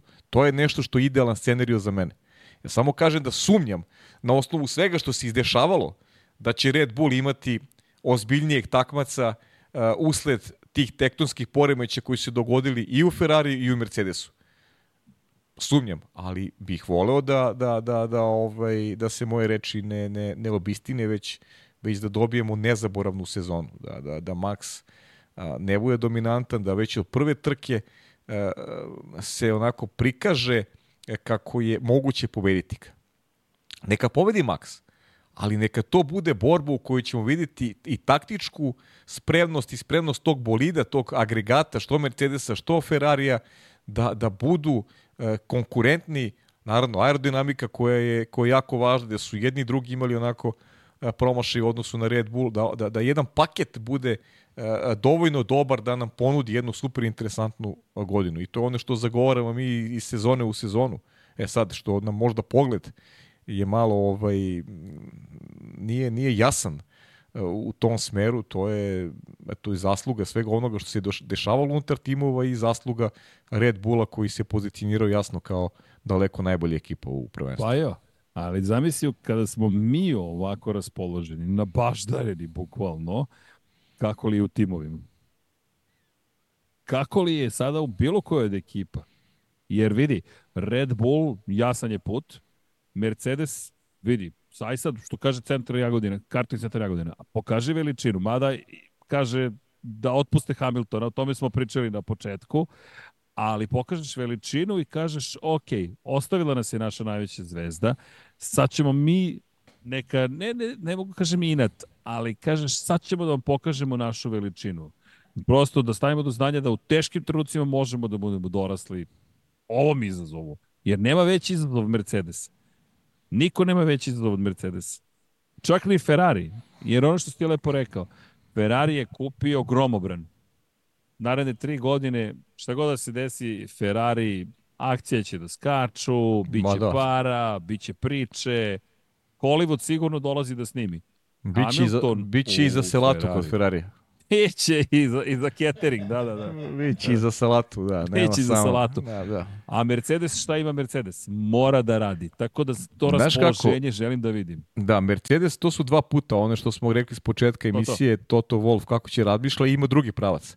Da okupi, da okupi ekipu zajedno sa Luisom i kaže, ljudi, zaboravite da ovaj čovjek ide u Ferrari sledeće godine. Hoću ova godina da bude maksimalna, hoću da imate fokus i da imate poštovanje jedni prema drugima i da, i da potpuno onaj stavimo ad akta činjenicu da ovaj čovjek odlazi. Ako to bude uspeo da, da pronađe tu neku sinergiju ovaj, među pa članovima ekipe, veličinu. pa i snag, pa kraj, krajnji slučaj, a pazi, pazi, on mora da ima tu snagu, ti si šef tima. Znaš, to su vanredne Moraš da stvari da se dešavaju. Tako je, vanredne stvari se dešavaju. Ne možeš ti sada da digneš nos i da ne razgovaraš sa Luisom ili ne znam, znaš, ti si sad ljut. Ne, ti mora da budeš, ti mora da budeš pravi šef ekipe, ti moraš da pomeriš te sujete i da budeš ovaj da budeš pravi pravi vođa. I, i zato sam mi rekao i prošle nedelje, ovo je najveći test za Tota Wolf. Najveći test. On se u ovakvoj situaciji nije, nije do sada nalazio. Ovo je najveći njegov test. I da vidimo kako će taj test da odredi u kom pravcu će, kom pravcu će Mercedes krenuti Stav. i da li postoje uslovi da se upravo napravi ta neka ta neka ovaj sinergija koja bi koja bi pomogla Mercedesu da da ovu godinu uh, odigra mnogo bolje nego što je bila prethodna. E, ali Pajo, koji šef ekipe se ikada našao u ovoj poziciji? Zamisli da Mihael Schumacher osvoji petu titulu, kao što je osvojio 2004. I onda 2005. 2006. ne osvoji, kao što nije, jer je osvojio Fernando Alonso. I on umjesto da ode u penziju, uh mhm. -huh. kaže, odoh ja da vozim za Red Bull. Da, da, da, da, da. To, da razumeš? Jer to je situacija u kojoj se nalazi trenutno Toto Wolff. Niko Jest. nikad se ni našao u ovoj situaciji. Slažem se. Slažem Pomerio se, ali... si planetu da ostvarite ove rezultate. Fantastično. Znaš, ti, ti, ti u, u tim nekim vanrednim okolostima ovaj, tu, tu možeš najbolje da vidiš kako, kako, ovaj, kako ko diše, kako funkcioniše, koliko je spreman da, da znaš, to, to je ono što, što, znaš, mnogo bi mu lakše bilo da je tu Niki Lauda sad, sigurno. Možda se ovo ne bi ni, de, možda se ovo ne bi ni desilo da je tu Niki Lauda. Pazi, možda bi... Možda su se neke stvari... Priča sa ti, si lepo, ti si lepo rekao prošle nedelje, lepo si pokrenuo temu. Uh, možda, su, možda je Toto Wolf neke stvari i suviše podrazumevao. To, to ta nismo priča, obradili. Ta priča, uh, ma lako ćemo mi sa Luisom, uh, to je, potpisat će se ugovor. Stalno je, stalno je išla ta neka priča lako ćemo. Jeste. Znaš, on je I pred još... Mercedesa, on je ovo, on je ono. Nekako je to izgledalo kao da, kao da, da, da, da, da je Toto Wolf stekao utisak da će, da će Lewis Hamilton tu ostati zauvek, do kraja karijere. A, pa jo, Kao da nije dovoljno pažnje posvetio uh, nekom, nekom načinu pregovorima. komunikacije, pregovorima, uh, uh, da vidi šta je to Luisu potrebno dodatno, šta treba da se uradi još da bi da bi Lewis Hamilton ovaj do kraja bio bio zadovoljan i da bi poželeo to što je on očekivao da ostane u Mercedesu do do kraja karijere. Ajmo ovako, nismo spomenuli priču do kraja. To je neki put kako je uopšte Lewis Hamilton stigao do Ferrarija. Navodno, -huh. je mhm. tražio trogodišnji ugovor s Mercedesom. Tako je, to Mercedes sam rekao na početku. Tako da po, po, to ponudi, već mhm. -huh. dvogodišnji. Mhm. -huh. A Ferrari ga je izvao, izvao, izvao. Navodo je John Elkan još prošle godine zvao, pa mu je Hamilton rekao ne, pa ga je zvao još jednom krajem godine, pa je rekao ne, pa je onda odjednom došla situacija, pa možda. I onda su se ubrzali pregovori. I sad, moguće da je to upravo ovo o čemu pričaš, da je Toto rekao, pa čekaj, mnogo je tri godine, dve, ostavljam prostora, konačno, vratit ću se na Valterija Botasa, ovoga puta ja. Ti si poslao Valterija negde, doveo si mladu zvezdu i rekao, pa sad nemamo baš klasičan broj 1, broj 2. Znaš, jer Hamilton prošle godine u Japanu je morao da se nametne. Dakle, svidelo se to nekom ili ne. Podseća me inače, sad ovo digresija, nema veze sa ovim sviđanjem ili ne. Uh -huh. To je Rossi rekao Valentino kada su mu doveli Jorgea Lorenza. Poludeo je. Bio je ljut toliko na Yamahu da je otišao u Ducati. I rekao je, kako ste mogli da potpišete nekog ovako talentovanog kad sam spasao kompaniju, učinio sve da se vratimo na vrh i sad mi dovodite nekoga protiv koga moram da se direktno borim. To su Rosijeve reči.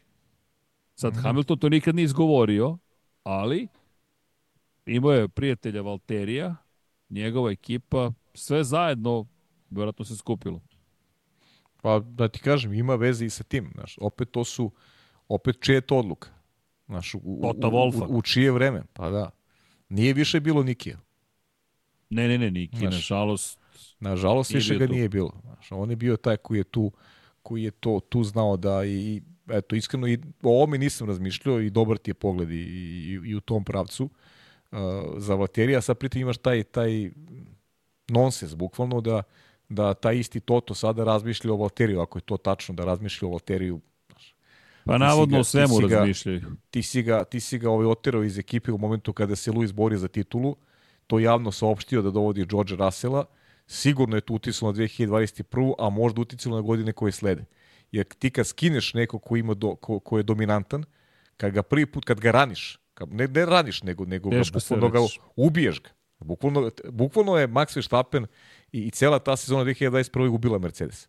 I očigledno je i presudno uticala da Lewis Hamilton više više nema to, takvu veru i da želi da krene u neki, neki novi projekat. A sve se to dešava u, u, u toj eri Tota Wolfa. Zato ja, zašto ja često apostrofiram i, i Rosa Brona i kako se Mercedes razvio i da je Toto Wolf došao na, na gotov teren i, i, ovaj, i sada mu je nikad teže.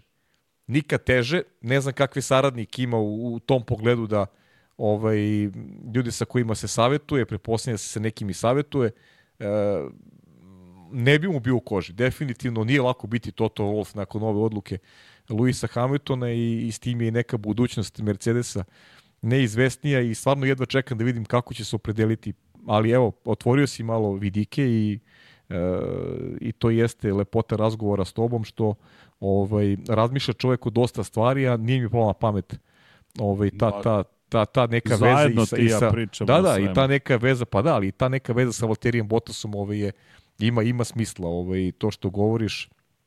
E, Luis očigledno vuče neke, ovaj, vuče te repove odnosa koji traju 2021. i samo u jednom momentu je sve to dovelo od toga da kaže ok, ovi ljudi mi veruju, mogu da prepostavim da je onako bio izdešan prilično i, i, i, i John Elkan i ovaj, i, i ko zna šta se još u svojem tom paketu razgovora i pregovora, šta je još tu John Elkan obećao Luisu Hamiltona, pričamo o plati koju još ne znamo kolika će biti, ali verujem da postoji oz, ozbiljan budžet kada govorimo o nekoj, nekoj Uh, nekoj pokretačkoj energiji ili ti, ili ti pravljenju bolida koji će biti konkurentan i, i omogućiti Luisu da ispuni uh, snove, a, a čak i da ne bude najbolji svih vremena, ovaj, sa tom osmom titulom jednog dana ovaj, ušao bi istoriju kao šampion sa tri različita ovaj, tima, što je stvarno ovako jedna jedna jedan retko raritet kada govorimo, a bukvalno nestvarno. Da, ne, ne, ja, I ima još jedna stvar. Nevjerojatno izvuči. Ti, dotakao si se, pazi ovoga, sad si upravo rekao, nekoga ko je dominantna svrgneš sa vrha, skloniš ga, i to ne mislim na Nika Rosberga, Niko Rosberg je bio deo iste ekipe, uh mhm. -huh. dakle, on je sklonjen sa vrha. Kada si poslednji put čuo ili video nekoga ko se vratio na vrh posle takvog neću kažem pada, ali poraza.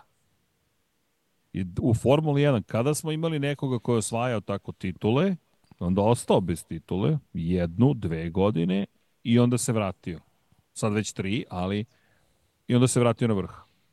Bravo, Srki, ali pazi, i taj Niko Rosberg, znaš, i to je ovaj neka priča koja može Luisa negde da, ajde da kaže da mu smeta negde, da ga boli, znaš, ta, ta, ajde, ta, ta, činjenica da on eto te godine mi smo uživali u toj sezoni jer smo imali e, duel e, imali smo bitku dva vozača koji uživaju u istom automobilu. Uh, ali, ali Luis kao neko ko je doveden tu, pa aj seti, napravi paralelu. Seti se prve trke uh, Nika, Luisa Hamiltona u Mercedesu. Niko je morao se sklanja. Pa, da, morao se sklanja za poziciju 3, ne za pobedu u trci, nego za podijum. On je morao prepusti podijum uh, Luisu Hamiltonu. Uh, ta ekipa je pravljena da Lewis Hamilton u njoj uživa najveće privilegije. I onda se tu Niko Rosberg oteo, odvezao sa sebe i kapa dole i, i napravio nam godinu koja je bila zaista sjajna, ali kako se, nikad nismo saznali kako se do kraja Lewis Hamilton tu osjećao. Možda jednog dana kad bude završio karijeru, možda nekim njegovim memoarima, verujem da ćemo čuti neke priče koje koje su za sada za nas nepoznate. Naravno, to će biti priča iz njegovog ugla, ali opet me baš zanima da virimo u taj deo njegove, njegove ličnosti i osjećaja njego, ličnog uh, nakon te godine u kojoj, u kojoj je uh, Niko Rosberg malo pomutio tu njegovu, ajde da kažem, slavu. U krajnjem slučaju pomutio mu je brojke.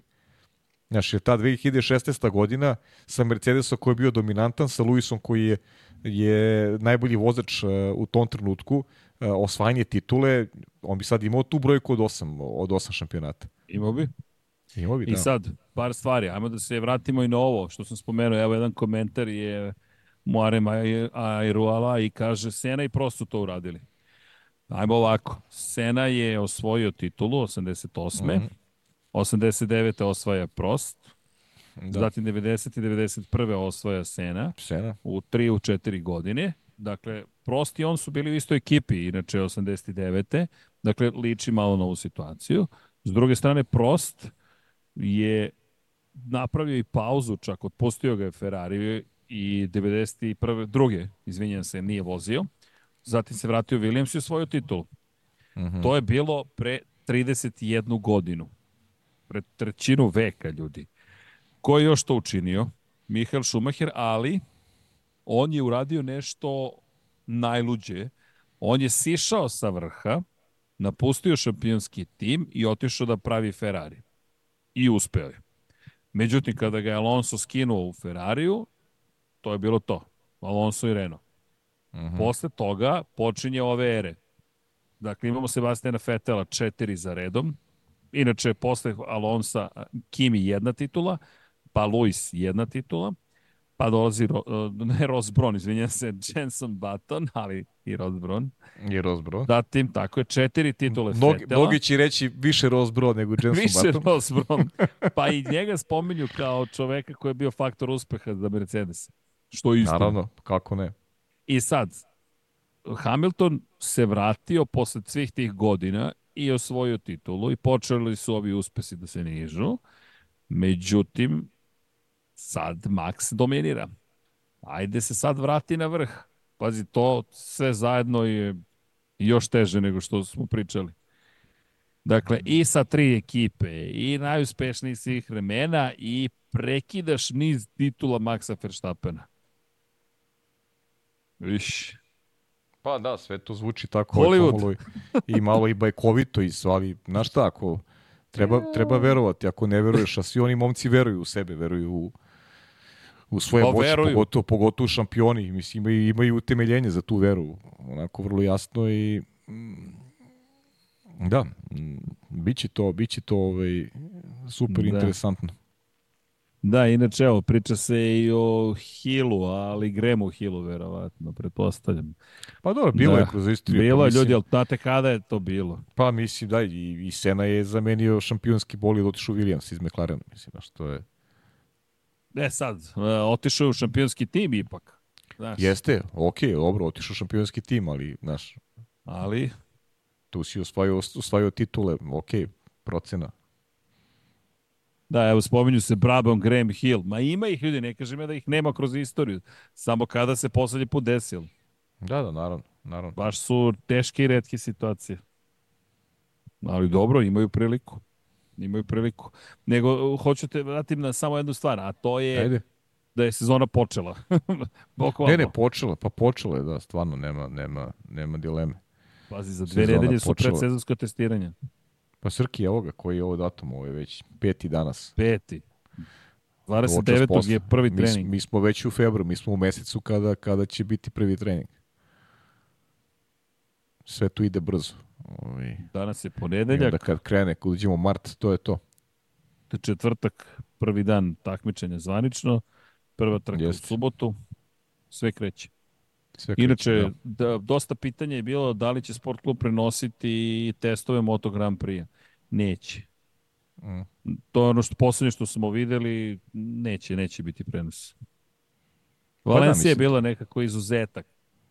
Koliko god se trudili, lobirali, Valencija je bila u periodu kada su svi budni, jer uzmite u obzir Malezija, to je noć bukvalno na našim prostorima.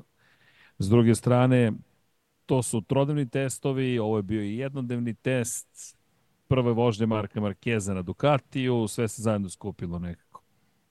Kad počinje sezona u MotoGP? 10. marta je prva trka. 10. marta, aha. Mhm. Dan posle velike nagrade Saudijske Arabije u Formuli 1 kreće Da, velika da. nagrada Katara. Mada, prvi sprint Moto Grand Prix se, po, po- se poklapa sa, prvom, trkom drugom Formule 1. trkom Formule 1. Mhm, mhm. Da. Pa dobro. Biće zabavno. Ma, bit će fenomenalno. Biće, biće I tamo je isto, mogu ti reći, vrlo zanimljiva Pa situacija. pazi, tamo, tamo će tek da bude zabavno, mislim sad sa ovim Markezom i to, to ćete ti i deki lepo da ovaj, da pričate Jest. o tome, ali, ali definitivno će biti zabavnije sigurno, ovaj, pogotovo što znamo koliko i, i Markez ima ovaj, svojih fanova i verujem da je njima onako uzbuđenje veće jer imaju, imaju svest o tome da, da e, motor Ducatija može da im omogući više nadanja u tom sportskom smislu da Mark može do, i, do, i do titule šampiona, zašto ne, tako da Pa Pajo, evo Tako da ti njegova priča. sjajna. da. Osvojio titulu 2019. poslednju, povrede 20. Nema ga cele sezone. Sledeće pobedi tri puta, ali ne osvoji titulu, povređenje, pa još operacija, pa još operacija, pa rekord po broju padova u istoriji sporta prošle godine, kao pojedinačni vozač. Znaš, to su neverovatne četiri godine. Blago Da, rečeno da. teški. Mm. Tako Jeste, da je i on u jednoj poziciji koja je vrlo potencijalno istorijska. Hajde tako da kažem. Da, da, super, super će biti, da. Baš će biti Evo, interesantno. pokrenula za- se diskusija inače ko- koliko je šampiona osvojilo titulu posle dužeg perioda. Ima ih, nego samo ljudi, mnogo je vremena prošlo, ništa drugo. Samo to, samo toliko. I sad George Russell osvoji titulu ove godine. Evo ga, E, zamisli e- taj scena. Evo ga Ajde. Srki, promenio je zemlju ovaj, boravka i ambijent. Otišao u sunčane krajeve, ali ovaj, reakcije, su, reakcije su iste. Dobro, dobro, ali ne, Sanjari, ne pokušam sanjari. sad da izmislim nešto, znaš, kao. Ne, ne, pa dobro, ali da ti kažem, možemo da sanjarimo i da pričamo dok ne znamo kako će izgledati ti, ti bolidi, ovaj, kak, kakvi, su, kakvi su tu materijali, da li, da li je to bolje nego prošle godine i Ferrari i Mercedes. Znamo ko će biti dobar Red Bullu svakako, e sad kakvi su izazivači ove godine, nadamo se bolje. Da to neće biti ovaj priča koji će ići u jednom smeru. Iskreno se nadam da neće. Da, iskreno slažem se da, da, da, da, da ćemo dobiti zabavu, maksimalno. Znaš kako, u krajnjem slučaju možemo poput Ferrarijevih navijača ovaj, da, da, ovaj, se nad, da, se, da maštamo od 2025. Znaš, imamo zašto se uhvatimo kad je pitanje budućnost. Biće interesantna ta era ovaj, sa, sa Hamiltonom u, u bojama Ferrarija. I da vidimo gde će, gde će i Sainz. Pa kažem, ako, ako ne bude sezona zanimljiva, ovaj, kao što se nadamo i očekujemo, imamo, imamo temu za razmišljanje, to je 2025. Uvek možemo tamo da bacimo pogled.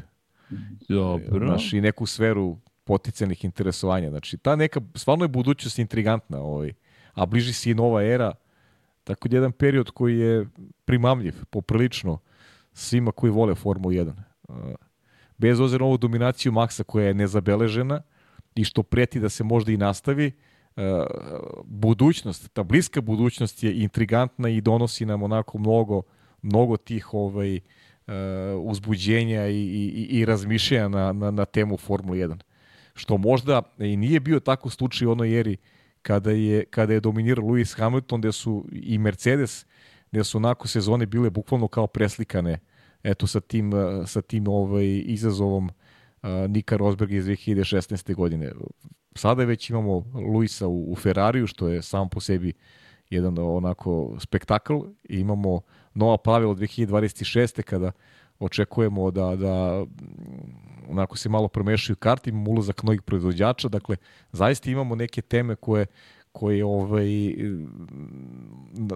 kojima se radujemo definitivno i, i nude nam, nude nam potencijalno možda, možda i najveće uzbuđenja koje smo ikad imali u istoriji. Ko zna, ja stvarno sam, u tom pogledu sam negde i romantik i, i, i, i optimista kada govorimo o nekom intenzitetu trkanja, uh, sadržaju koji će onako biti biti bogatiji u tom nekom sportskom smislu, a kada je sadržaj bogat u tom sportskom smislu, onda, onda je i, i, uspon Formula 1 na toj nekoj lestici popularnosti, pa zašto ne i zaradi tih hatera? Ja im želim da zarađuju više nego sada, ali neka taj light motiv bude ono što se dešava na samoj stazi, gde ćemo, gde ćemo dobiti onako jedno, jedno takmičenje koje a, će onako intenzivno biti, biti zanimljivo.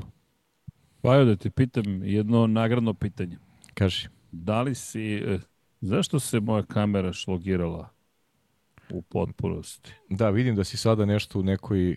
Ne vidi se okej, okay. evo, sad, sad, si, sad si se vratio, vratio si sada, evo, sad si okej. Okay. Bizarno, I, o, i ova kamera ima neki čudan, čudnu rezoluciju. Dobro. E, ok, izvinjam se, to ćemo srediti. Ne, nećemo više imati ovako lošu kameru, to ćemo da sredimo. Elem, e, šta sam htio da kažem? Pitaš nešto. Da li znaš za mutagen iz Ninja Kornjača, pošto se to drugi put pojavljaju večeras Dobro. kao komentar? Ja ne Dobro. znam, ali verujem da su to roditelji koji sa decom prate Ninja Kornjače, jer mm -hmm. Vlada Filipović mi pita, piše, kaže, ovo je mutagen, boja mutiraće u Audi. Mutagen boja. Da, nemam Vlada, pojma šta je mutagen boja, Vlada bi, ćemo. Vlada bi ovaj, mogu da komunicira s nama uz pomoć prevodilaca, znaš.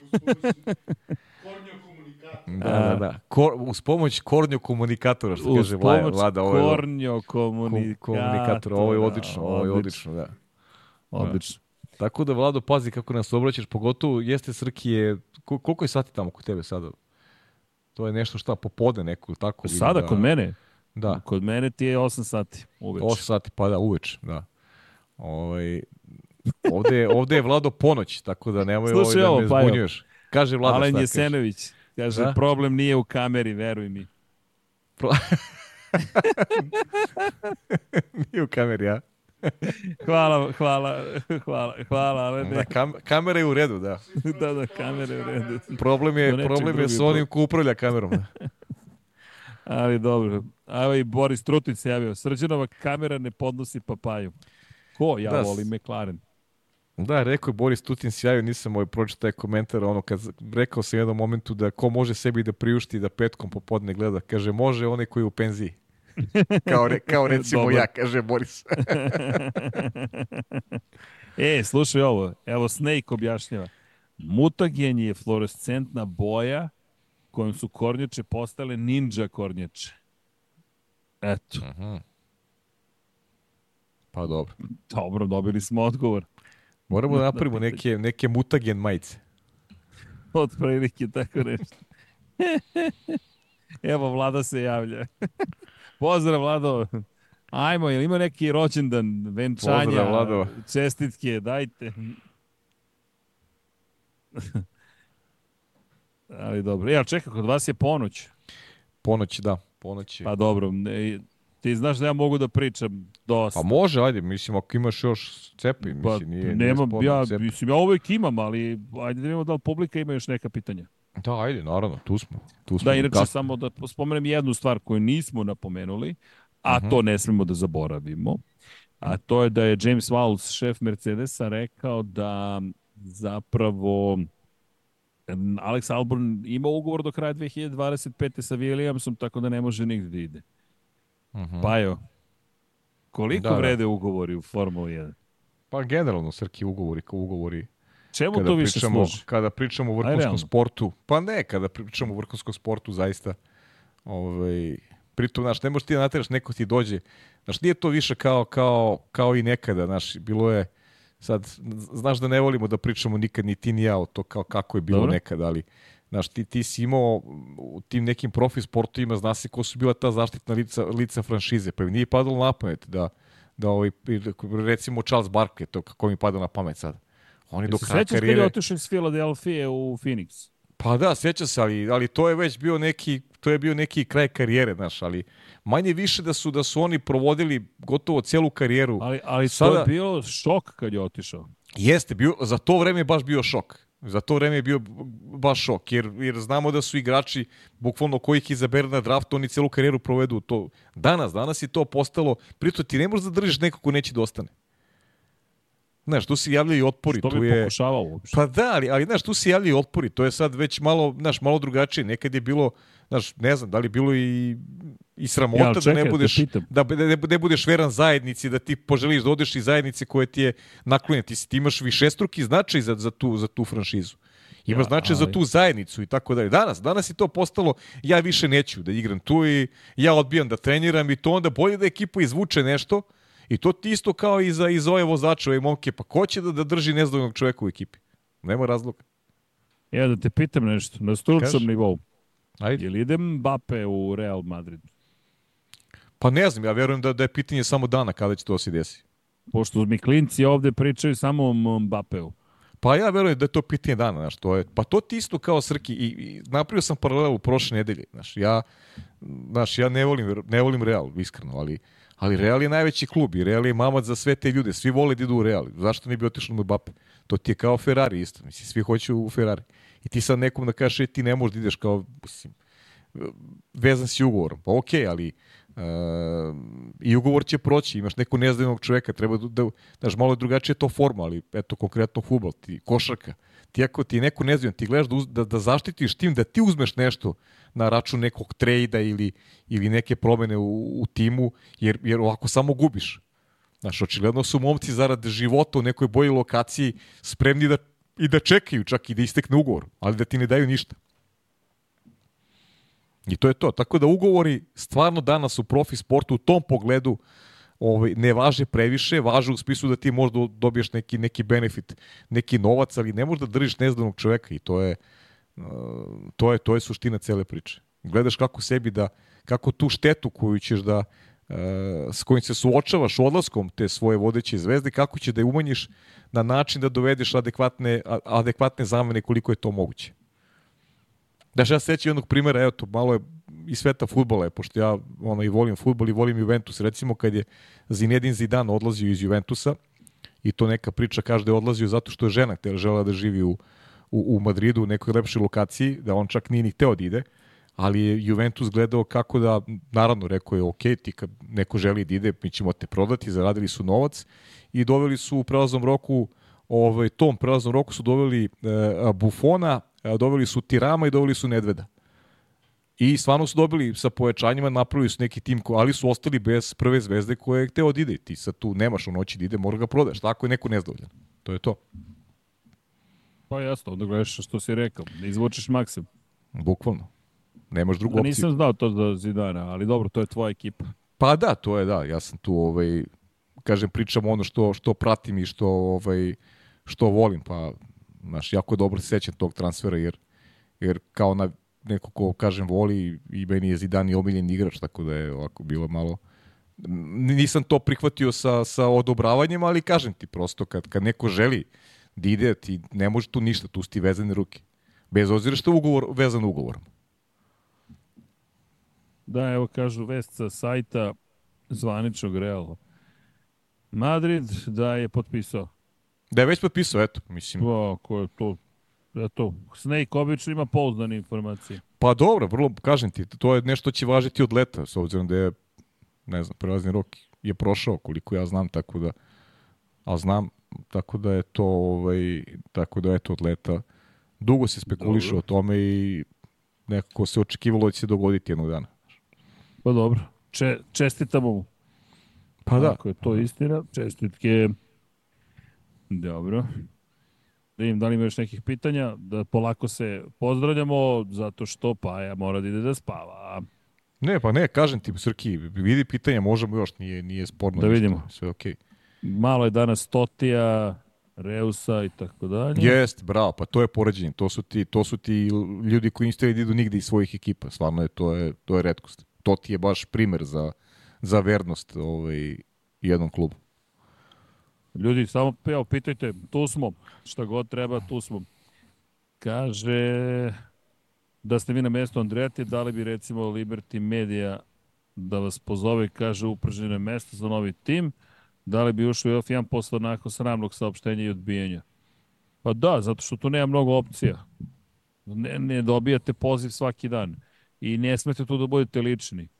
Niti da za, to je moje mišljenje, ne znam da se Pajo slaže. Slaže se popuno s tobom, da baš sam i to hteo kažem. Mislim nema tu saopštenje, ja, ja često govor, pričam sa Srđanom, neka to što se pročita u tim saopštenjima treba onako staviti ad acta, često se tu i ne govori istini, kosi se to sa, sa nekom realnom slikom, saopštenje se da se eto, nek, negde namiri malo javnost, a šta smo sve čitali ljudi prethodnih ovaj, i decenija, pa smo dobijali popuno drugačije epiloge celih priča. I zašto bi Andreti, ovaj, kad ima neki cilj i, ulo, i tolika ulaganja i toliku želju, zašto bi on odustao od svojih, od svojih ciljeva? Pa to je kao da kažete nekome, ne znam, da li ste, razmislite sami, ako vam neko kaže jednom, uh, ponudi vam neku, neku negativnu reakciju na ono što je vaš život i ono što čemu vi stremite, da li biste pokušali ponovo? Pa ja bih pokušao. Pokušao bih dokle god smatram da ima, da ima nade da se neki moji snovi ostvare. Pa iz perspektive posla i ne samo posla. Ajmo ovako. Andreti upošljava već sada preko 250 ljudi. Kada fabrika bude u punom pogonu i punoj snazi, ukoliko uđe u Formulu 1, to će biti preko 1300-1400 ljudi. Ajmo da svedemo na to da vi kao direktor kompanije imate odgovornost prema sebi, vlasnicima i naravno ljudima koji tu rade. I ljudi koji vas obožavaju, prate i tako dalje, tako dalje, vaši navijači. Ukoliko vi kažete, e, zato što je neko zauzeo stav koji je meni neprihvatljiv i pogađa moju sujetu, vi ne radite vaš posao. To je ovo što je Paja rekao i za Hamilton i Mercedes. Na, znak veličine bi bio da Toto upravo uradi ono što si rekao. Ljudi, ovo je sezona pred nama u kojoj ćemo mi da budemo bolje nego što smo ikada bili. Pokušaš da sve učiniš da osvojiš titulu i onda pružiš ruku na kraju i kažeš, e, a sad ćemo te pobedimo. I Pa da. to je to. To je to, pa to su dva puta, znaš, jer, jer manje, manje realan ovaj koji sam naveo s početka, znaš, da ti kažeš, pritom opet, i- ima i drugi pogled vezano za tu temu. A, Da tek tako kažeš nekome ko ti dono toliko titula, ej, ti sad nemoj da, neće tražiš ništa godinu dana, mi te ne želimo u ekipi. A opet, Mm, malo teže. i- malo je teže, a s druge strane interes Mercedesa trenutno zaista nije da ima Luisa Hamiltona u ekipi. Iskreno. I to je teško pomiriti. Možda ja sa mojim stavom ne bih bio dobar vođe, vođe nekog tima, ali ovaj, zato Toto bi Wolf, bio Toto. Wolf, a možda bi bio najbolji, ali zato Toto Wolf mora da bude. I sad je to teško pomiriti ovaj, i neki i sujetu i, o, i sve što se dešava unutar ekipe i odnos koji potencijalna ekipa možda ima prema Hamiltonu i njegovom stavu i tako dalje i zato, zato negde sam mišljenja da, da, da Mercedes se ne nalazi u dobroj, u dobroj nekoj situaciji pre početak sezone. Jer mnogo više razmišljaju o tome da je njihov, da je njihov vozač već sada postaje uh, brand Ferrarija. I kad pogledate društvene mreže, ja koji, ja koji nisam toliko na društvenim mrežama, ja vidim manje više kada je iz formule, kada stalno vidimo Hamiltona ili ti vidim Hamiltona u Ferrarijem kombinozonu. Stalno ima nešto što izađe e, Fera, uh, Hamilton i Ferrari kombinozonu. Da li je na slici Leclerc, da li je sam, ali uh, Hamilton je veza sa Ferrarijem. Ne postoji nikakva, tako je, ne postoji nikakva konekcija Ferrari, uh, Hamiltona i Mercedesa. A on treba da celu godinu vozi za Mercedes. On nema više taj identitet, Mercedes nema taj identitet. Nema identifikaciju sa Lewisom Hamiltonom. Pa ne postoji, zavisi sad pa, uđeš u Mercedes. Ne postoji, ne postoji sebi, e, slušaj, izvini, taksista u Mercedesu uh mhm. -huh. i beli Mercedes, dakle to je tamo praistorijska klasična boja Mercedesa i kaže moram da vas pitam nešto. E, Hamilton u Ferrariju. Kreće priča. Viš, sjajno. I ja kažem, i sad cijela priča zašto, kako, ko, gde, kako, koliko traje ugovor, kada ide. Elem, završava se priča, ja kažem, dobro, sledeće godine kupujete Ferrari. Uh mhm. -huh. Znaš, i kaže, ne, ja sam Mercedesovac. Ali šta je poenta? Poenta je da ako si ti identifikovao, ja vozim Mercedes, Formula 1, Hamilton, toga više nema, upravo što si rekao. Nema, čao. Nema, završena priča. Iako, I završena iako, priča. Iako on brani boje tog tima. Ima 24 trke, Srki.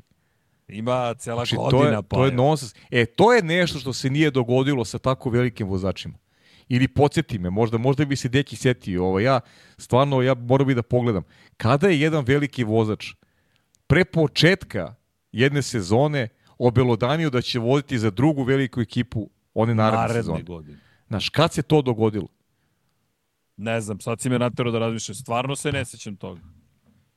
Znaš, to se stvar... spekulisalo se tokom godine u kojoj su već ali, vozili. A, je, pa i za, i za Fetela se znalo da ide na pola sezone da odlazi je. iz Red Bulla. Mislim, ali pol, bilo pola sezone. On je već izgubio neke, neke trke od, od Daniela Ricarda. Ne, nisu ulazili u pripreme za sezonu, pričamo o tome, ej, ti odlaziš sledeće godine, aj se pripremimo za ovo. Tako je, nije. To se, ovo, ovo se nije dogodilo. O, da tajming odlaska njegovog je katastrofalan za Mercedes i za Tota Wolff. Katastrofalan. I, Nema, i zato je ta odluka rekao, ima, ima ma ne imaš, imaš imaš stvarno imaš odluka Tota Wolfa iskreno ti kažem meni je najbliža sportski sa aspekta Mercedesa najbliža mi odluka da on ne vozi za Mercedes ove godine O, to je misli taj rat. To je to je meni to je meni najbliža, znači mom nekom razmišljanju to je najbliža odluka. Ali da li je to realno, da li je to izvodljivo? Opet kažem, da kad staviš tas na vagi. Tako je, pa ne znam. Da, pa nisi, znaš, kako god, ali ne znam. Ne znam. To, vidjet ćemo ja, kako će izgledati pitanje. u praksi. Vidjet ćemo kako će to izgledati Ima ovde jedno pitanje, kaže, da li sam decu naučio, naučio naški? Nisam ja, Burazer jeste. Tako da, da, pa da, pa dobro, to je nešto koje gledaju, oni, oni su se oglašavali ovde. jesu, jesu. Da, ja sam ih viđao i ovde, tako da znam da, da, da, deca, da deca parlaju. Parlaju, parlaju. Da, da. Znaš, imaju svoj tajni jezik, to često spominjem. Bukvalno, ako hoće da niko ne razume šta pričaju, O, to, to, to, sam, to sam imao jako klinac isto sa, da. sa nekim drugarima. To je izmišljali reči bukvalno da bi se, da bi se pa to ti je to. Da. Ovde ne izmišljaju reči, samo se prebace na srpski i cepaju. Bla, bla, bla, bla, bla, bla, bla. Da, da, ovo je bila ovo neka, neka kombinacija ovaj, Mislim, to je bilo i kasnije, ali dobro, ne, daj sad ne ulazimo te Ajde, da, da, ne malo, preterujemo, tako. malo preterujemo sad, aj. E, da, inače, Mario Krop pita da li mislimo da je ovo poslednja Alonsova sezona. Onako, vaše viđenje s obzirom na godine koje ima. BTV, to je by the way, šta kaže Paju na Derbi d'Italia. Pozdrav najjačim komentatorima. Pozdrav najjačoj ekipi Pozdrav. gledalaca. Pa ništa, da, ja sam rekao u četvrtak, ovaj, gledao sam utakmicu, popularno zaslužena pobeda Intera. Inter je bolja ekipa od Juventus ove godine i, i mislim da su ovom pobedom stavili šapu na titulu, tako da nema, ništa se iz mog ugla nije desilo ovaj, neočekivano i spektakularno, da evo kažem, Inter je stvarno bolja ekipa i to samo dokazali u derbiju. U, ja ne smem da pitam ništa Dekija za vikend Čak sam i ja video rezultate. Tako da... Aha, nešto je Liverpool. Aj, aj, da, izgubio Liverpool. Ja, da, Arsenal 3-1. Da, da, da, vidio sam izgubio. Pazi da, kad sam ja video u novinama, pa ti vidi. Da, da. Ali dobro, nećemo staviti na muku. Možda. E, inače, Muhammed Hajdari, da, da, to je spomenuo Toto Wolf, to nismo pričali, nismo analizirali. A to je da je Lando Norris bio dostupan 10 dana pre nego što je Hamilton otišao. Da, da, bravo, odlično. Odlično, odlično Muhammed, odlično, odlično, odlično, za, za odlično I pazi, Toto Wolf koji je rekao, ne samo za, za Norisa, nego i za Leclera, da su bile neke zanimljive opcije dostupne i da su znali ranije ko zna šta bi uradili.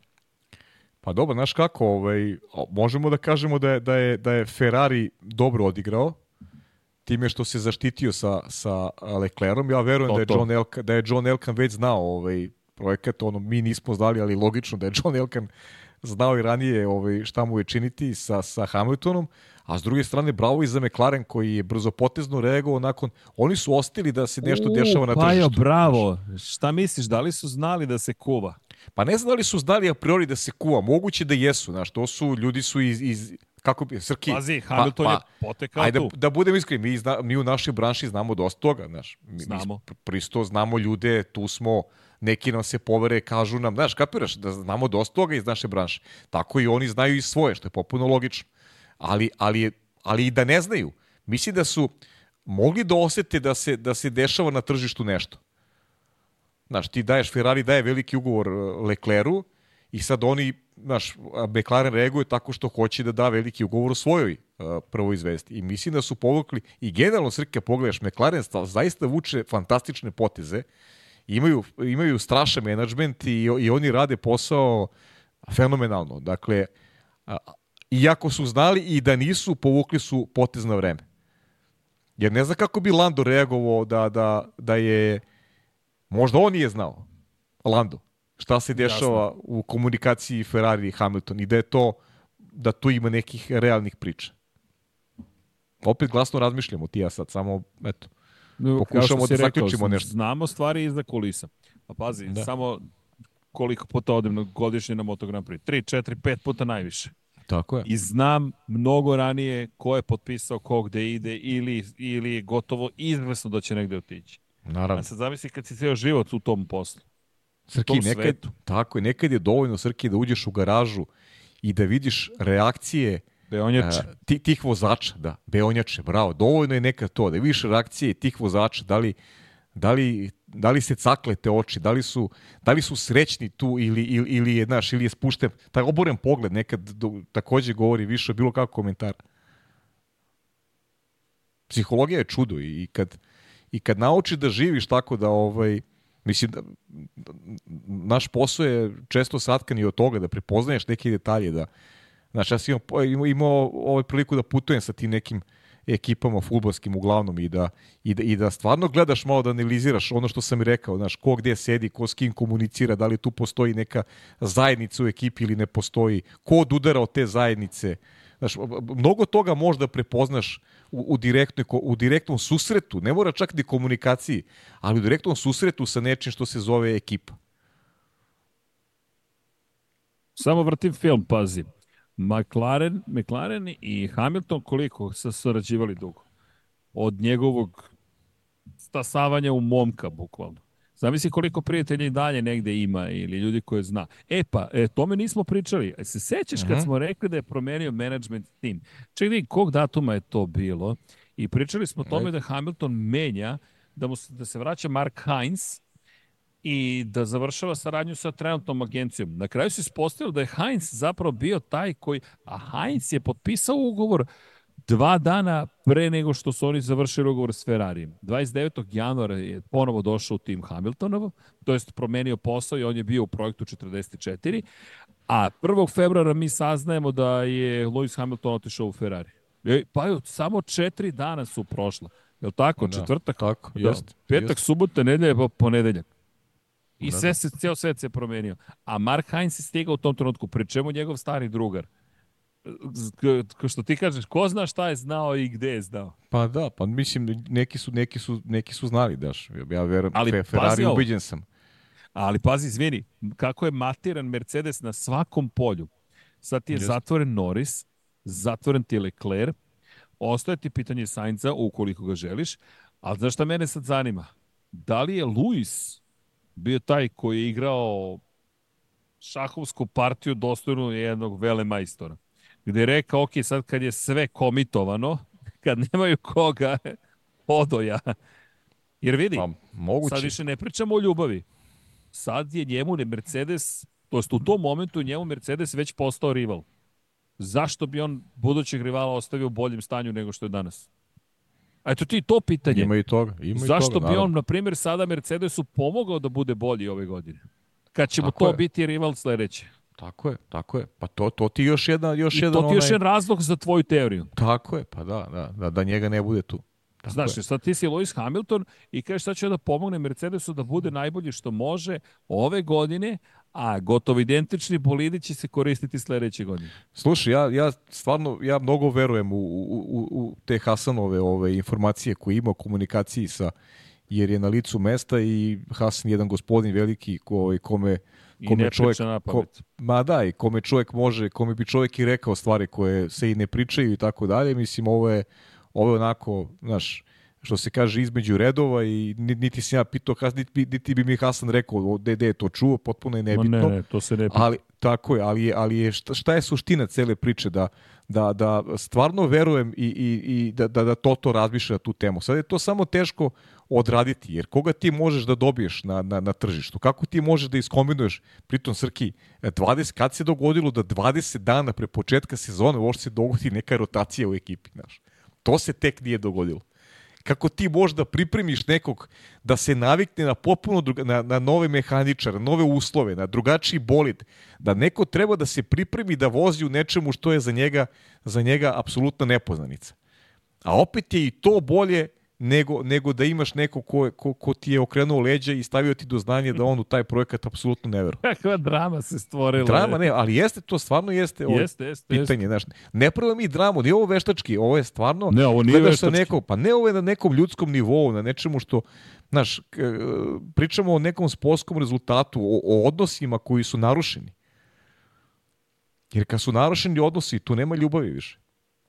Znaš, tu nema neke, nema više energije koja je postojala među njima, znaš, nema nekog zadovoljstva u radu, nema, nema identifikacije više e, Mercedesa sa Hamiltonom i obrnuto.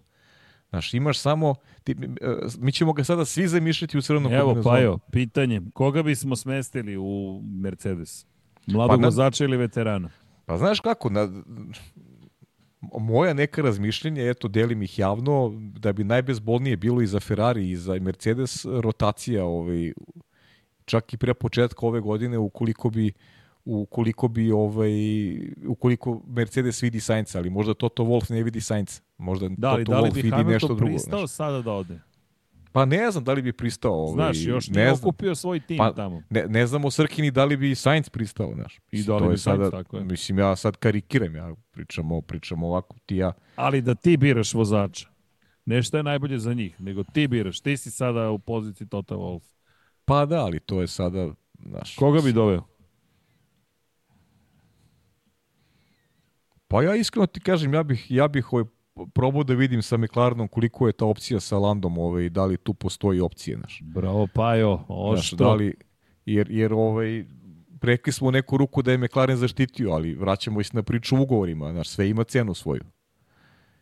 I, I recimo kad bi Lando rekao, ok, ljudi, ja sam potpisao i ako ti sad pokažeš nepoverenje ekipi za koju si pot- potpisao i promeniš mišljenje u odnosu na pre 15 dana i kažeš ovaj, uh, ja bi ipak nekim novim putem, znaš, po, po, postojala bi priča. Ali mislim da smo se sada malo i više onako Da, udaljili. zaneli, Da. za, udaljili E. se od, od onoga što je suština, a to je taj odnos eh, Hamiltona i Mercedes. Pitanje, slušaj ovo. Kažeš? Mugello Arabijata 12. Da li je Mhm. istina da je Formula 1 tražila od Andretija oko 600 miliona evra da bi ušao u Formulu 1? Nije. Zato što po konkordskom sporazumu koji su potpisali svi timovi i FIA i Formula 1 200 miliona mora da se plati ulazak u ovom trenutku. Ali Arabijata, pitate ozbiljno pitanje, Mhm. Zašto? Zato što prema nekim planovima Formule 1, novi konkurski sporazum kada se bude potpisivao za dve godine, bi trebalo da se traži 600 miliona kao novi horor za ulazak u Formulu 1. Što nas vraća Pajo na još jedan razlog zašto bi Formula 1 odbila Andreti. Jer će dobiti puta 3 za ulaz. Ukoliko im ne da da uđu u ove dve godine. Pa i to je tačno, da. I to je i, I to, to je laganih 400 dodatnih miliona. Da. Cijena prava sitnica. Halo Bing kako brat. Halo Bing kako brat. Da, da, ali, ali dobro pitanje, samo što nije sada, ali će se možda desiti da će na kraju to morati da plate. Inače, pita Amar Obradović, koliko je realna trka na Balkanu u narednih 10 do 20 godina? Uf. Nažalost, realnije je da će Sainz biti šampion ove godine. Jel me da. čuješ, pa će... Kako ne, realnije je da će Sainz dobro, da će dobro. Sainz voziti za Ferrari i 2026. Nešto je meni ovde se promenilo. Ne, ne, ja, ja te se... čujem, ja te čujem, dobro. Super, to, odjek je nestao.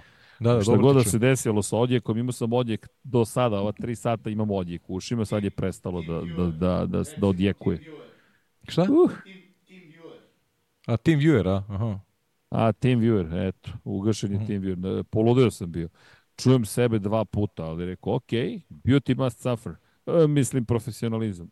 Mm, da. U svakom slučaju, e, pa je sad mogu da, znaš, kakav mir u mojoj glavi, jednom ne čujem i tebe i sebe u isto vreme. Elem, e, kada reč o tr trci na, na Balkanu, pa nažalost ljudi šanse gotovo da ne postoje. Ma Možemo da baš. od, od toga da staza ne postoji adekvatna, da čak i grobnik da se modifikuje bi koštalo skoro kada pravite novu stazu da napravi bilo koja država novu stazu, mora praktično država da stani za tog projekta. Minimum 25 miliona treba samo za, za pravljanje staze. Čisto se stvori staza. Verovatno sada već 30. Pored toga, da biste izlobirali da dobijete tu stazu, treba vam barem još 25 do 30 miliona dolara da platite Formula 1, verovatno je sada još skuplje, toliko je bilo nekada, da kažemo 50 miliona godišnje da je potrebno, da se, to mogu Leclerc i Hamilton da plate. Dakle, da biste platili, treba vam godišnje 50 miliona da učestvuje koja god država u šampionatu sveta Formula 1. Zatim, morate da nađete dovoljno veliko tržište, ne samo po pitanju prodaje ulaznica, već da kažete ova trka će privući pažnju, jer ajmo da vidimo ko su novi konkurenti. Miami, Las Vegas, Madrid, Singapur, Monako, govorimo o megalopolisima i govorimo o velikim gradovima. Koliko god ja da volim Balkan, znate, teško je parirati tim gradovima i tim državama i samo to je dovoljno razlog da, da nažalost ne moramo da razmišljamo previše o tome. Pogotovo što je sportskih aspekata sve manje. Nisu, ne znam, 70. 80. pa sport je još uvek igrao određenu ulogu, veću igrao nego sada. Sada je to preskupa zabava. Šta da radite? Da iskupa zabava i načeo si neku temu koja je za region, ja ajde sad ne pričamo o regionu, ali u Srbiji ozbiljan problem postoji sa, sa, sa sportom generalno, postoji problem sa infrastrukturom, ali to su sada neke teme koje ovaj, naš, mi, ne, mi nemamo infrastrukturu za neke sportove koje koji proslavljaju ovu zemlju u svetu ovaj, na pravi način, pa, pa ne postoji prava infrastruktura. Misliš bazen? Tako da, pa recimo i bazen između ostalog, ali nije samo nije samo bazen, ti mislim tvoj otac je u rukometu ceo život, pa ne može baš da se pohvali ni da, ni da postoje dvorane koje mogu da namire ovaj, i neki rukometne klubove i tako dalje. Dakle, sve su neke dvorane stare koje se renoviraju, na svakih pet godina slušamo priču kako se renoviraju dvorane. Ovaj, ovde nije napravljen novi sportski objekat, ja se nećem. Da li je posle arene napravljen jedan sportski objekat novi? Evo, konkretno recimo u, u Srbiji neka, evo, neka mi neko kaže jedan sportski opolje, možda ne znam, dovoljno dobro nisam upućen za druge gradove, ali evo, mi, mi se dičimo da smo sportska nacija, a, a, a arena Beogradska je posljednji sportski, napravljen sportski objekat. Ne, u stvari imamo ovu dvoranu za atletiku koja je napravljena. To sam te ti spomenuo, dvorana, da, za, dvorana atletiku. za atletiku koja je napravljena, to je nešto zaista sjajno. Ali evo, a. generalno, kad pričaš o sportskim objektima, a, a toliko se dičimo i ponosimo da smo sportska nacija, to je stvarno neka, neka bizarnost ovaj, bizarnost ozbiljna. Pa tako onda sada pričamo o nekoj stazi za Formulu 1, Mislim da je to, ne znam, e, ima mnogo ljudi koji prate automotosport, koji vole Formu 1 konkretno, ali Šteta, bojim ali- se da od toga, da od toga neće biti ništa. Makar Ja mislim da bi bilo za, ultra za naših, gledano. da, za naših života teško da ćemo dočekati tako nešto. Nažalost. Nažalost, ali to je trenutno zaista situacija. Ma infrastruktura i na drugom nivou, infrastruktura i na nivou... Ma da, pa pričamo o sportu saobraćajnica sad. Ma svega, da, to, to, to, to tek da krenemo, znaš. Nemo od parkinga. Pa mislim, zamisli sad ovaj, znaš, nemaš metro, a organizuješ kao, recimo, Beograd, trka Kako neka nemaš u Beogradu. metro? recimo. Ima metro deo. Da, da, da. E, ima. pa si takav. Da. Izvini, nisam ovaj ne, ne, razmišljao da, dovoljno. aj, samo ovog puta, molim te. da, Pa da. dobro, bit će ovaj Mega Giga stadion, ali sad odnosimo na neku drugu temu. Da, ovde smo na Jeli? da. Kaže kao. Marko, Tommy Hilfiger ponovo u Ferrariju. Setite se šta je Ferrari osvajao za vreme njihovog sponzorstva. bravo, bravo, bravo. A, dobro, da, i pitanje da Leclerc od, odbije da prihvati poziciju broj 2 vozača u Ferrari 2026. ode Mercedes. Ej, čujte, moguće, stvarno, zaista sve moguće, ali ja mislim da mi suštinskih promjena nećemo više imati kada se potpišu sada ugovori. Sainz kada pre svega kao poslednja karika ozbiljna u celoj priči potpiše ugovor. Ljudi, I kada niko- Mercedes reši, kad Mercedes Tako reši je, pitanje bravo, drugog e, vozača. bravo, bravo, Ili ti si. prvo, kako god. Tako je. Do kraja 2026. nema promjena. Zato što vi ne smete sebi da dozvolite da imate promjenu vozača između promjena era. Bravo, tako je. Kraj. Slažem se. Ne možeš. To je preskupo. Ti rizikuješ onda ne samo da izgubiš 2026. već da izgubiš zamajac koji ti je potreban da budeš konkurentan u novoj eri. Jer evo, je. Mercedes je uhvatio zamajac 2014. i vladao je. Red Bull je uhvatio zamajac 2022. Tako je. I ti sada sa tom svešću ulaziš u novu eru i kažeš, ma ne veze, mi ćemo da promenimo vozača. Nema šanse.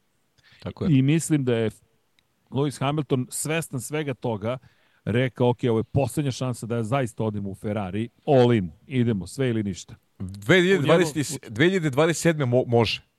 Jer Da, imat ćemo već, god, već godinu je. dana u novoj eri ćemo imati. Tako I je, moguće je tako da, je. da, da će se dešavati promjene, ali, ali je potpuno u pravu Srki i mislim podržavam ovaj, apsolutno da, da te, znaš, sada se rešavaju stvari za petu i šestu i da tu neće biti nikakvih ovaj, korenitih promjena tamo zaključno sa, sa, Evo, sa, sa kažu, kažu 2026. Pajo, Leskovac, Loznica, stadion futbalski, Pa dobro, eto, pričamo o futbolskim stadionima, ali ne igra samo futbol u ovoj zemlji. Ne, mislim, ok, Pa ja, ja nisam ni razmišljao, znaš, ovaj, o, ali ti kažem, znaš, neka dvorana koja je multifunkcionalna, koja je, gde možeš da, da se onako treniraju i igraju sportisti i za onako i, i odbojka recimo i rukomet i ne znam. Da ne pričam Da. o bazenima.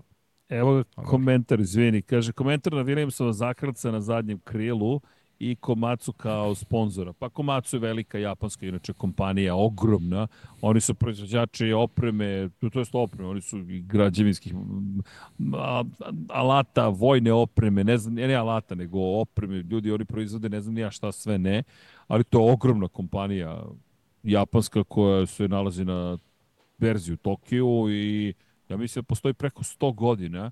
Inače, Komatsu, ako se ja dobro sećam, znači mali, kako beše, mali bor. Znam, ne ili mali znam. zeleni bor, čak možda. Ali znam da je mali bor, samo ne znam da li je i mali zeleni bor, tako da znate, eto. To toliko znam. A što se tiče zakrvca, moram pristiti da još nisam analizirao Williams. Danas sam pokušavao da, da napravim tehnički sistem da se uopšte čujemo kako treba. Da vidimo, u, pobegli su mi sada. Sam se setio, gradi se odbojkaški centar na Novom Beogradu. E, dobro. A, Eto, super, dobro, mislim. Pišite ljudi, Da, šta vidim. god da... Da, nije mi zašto se. Zašto Nemačka nema stazu u Formula 1? Pa, Deki je to objasnio, tu Hasan je objasnio, zato što država neće da dotira ništa.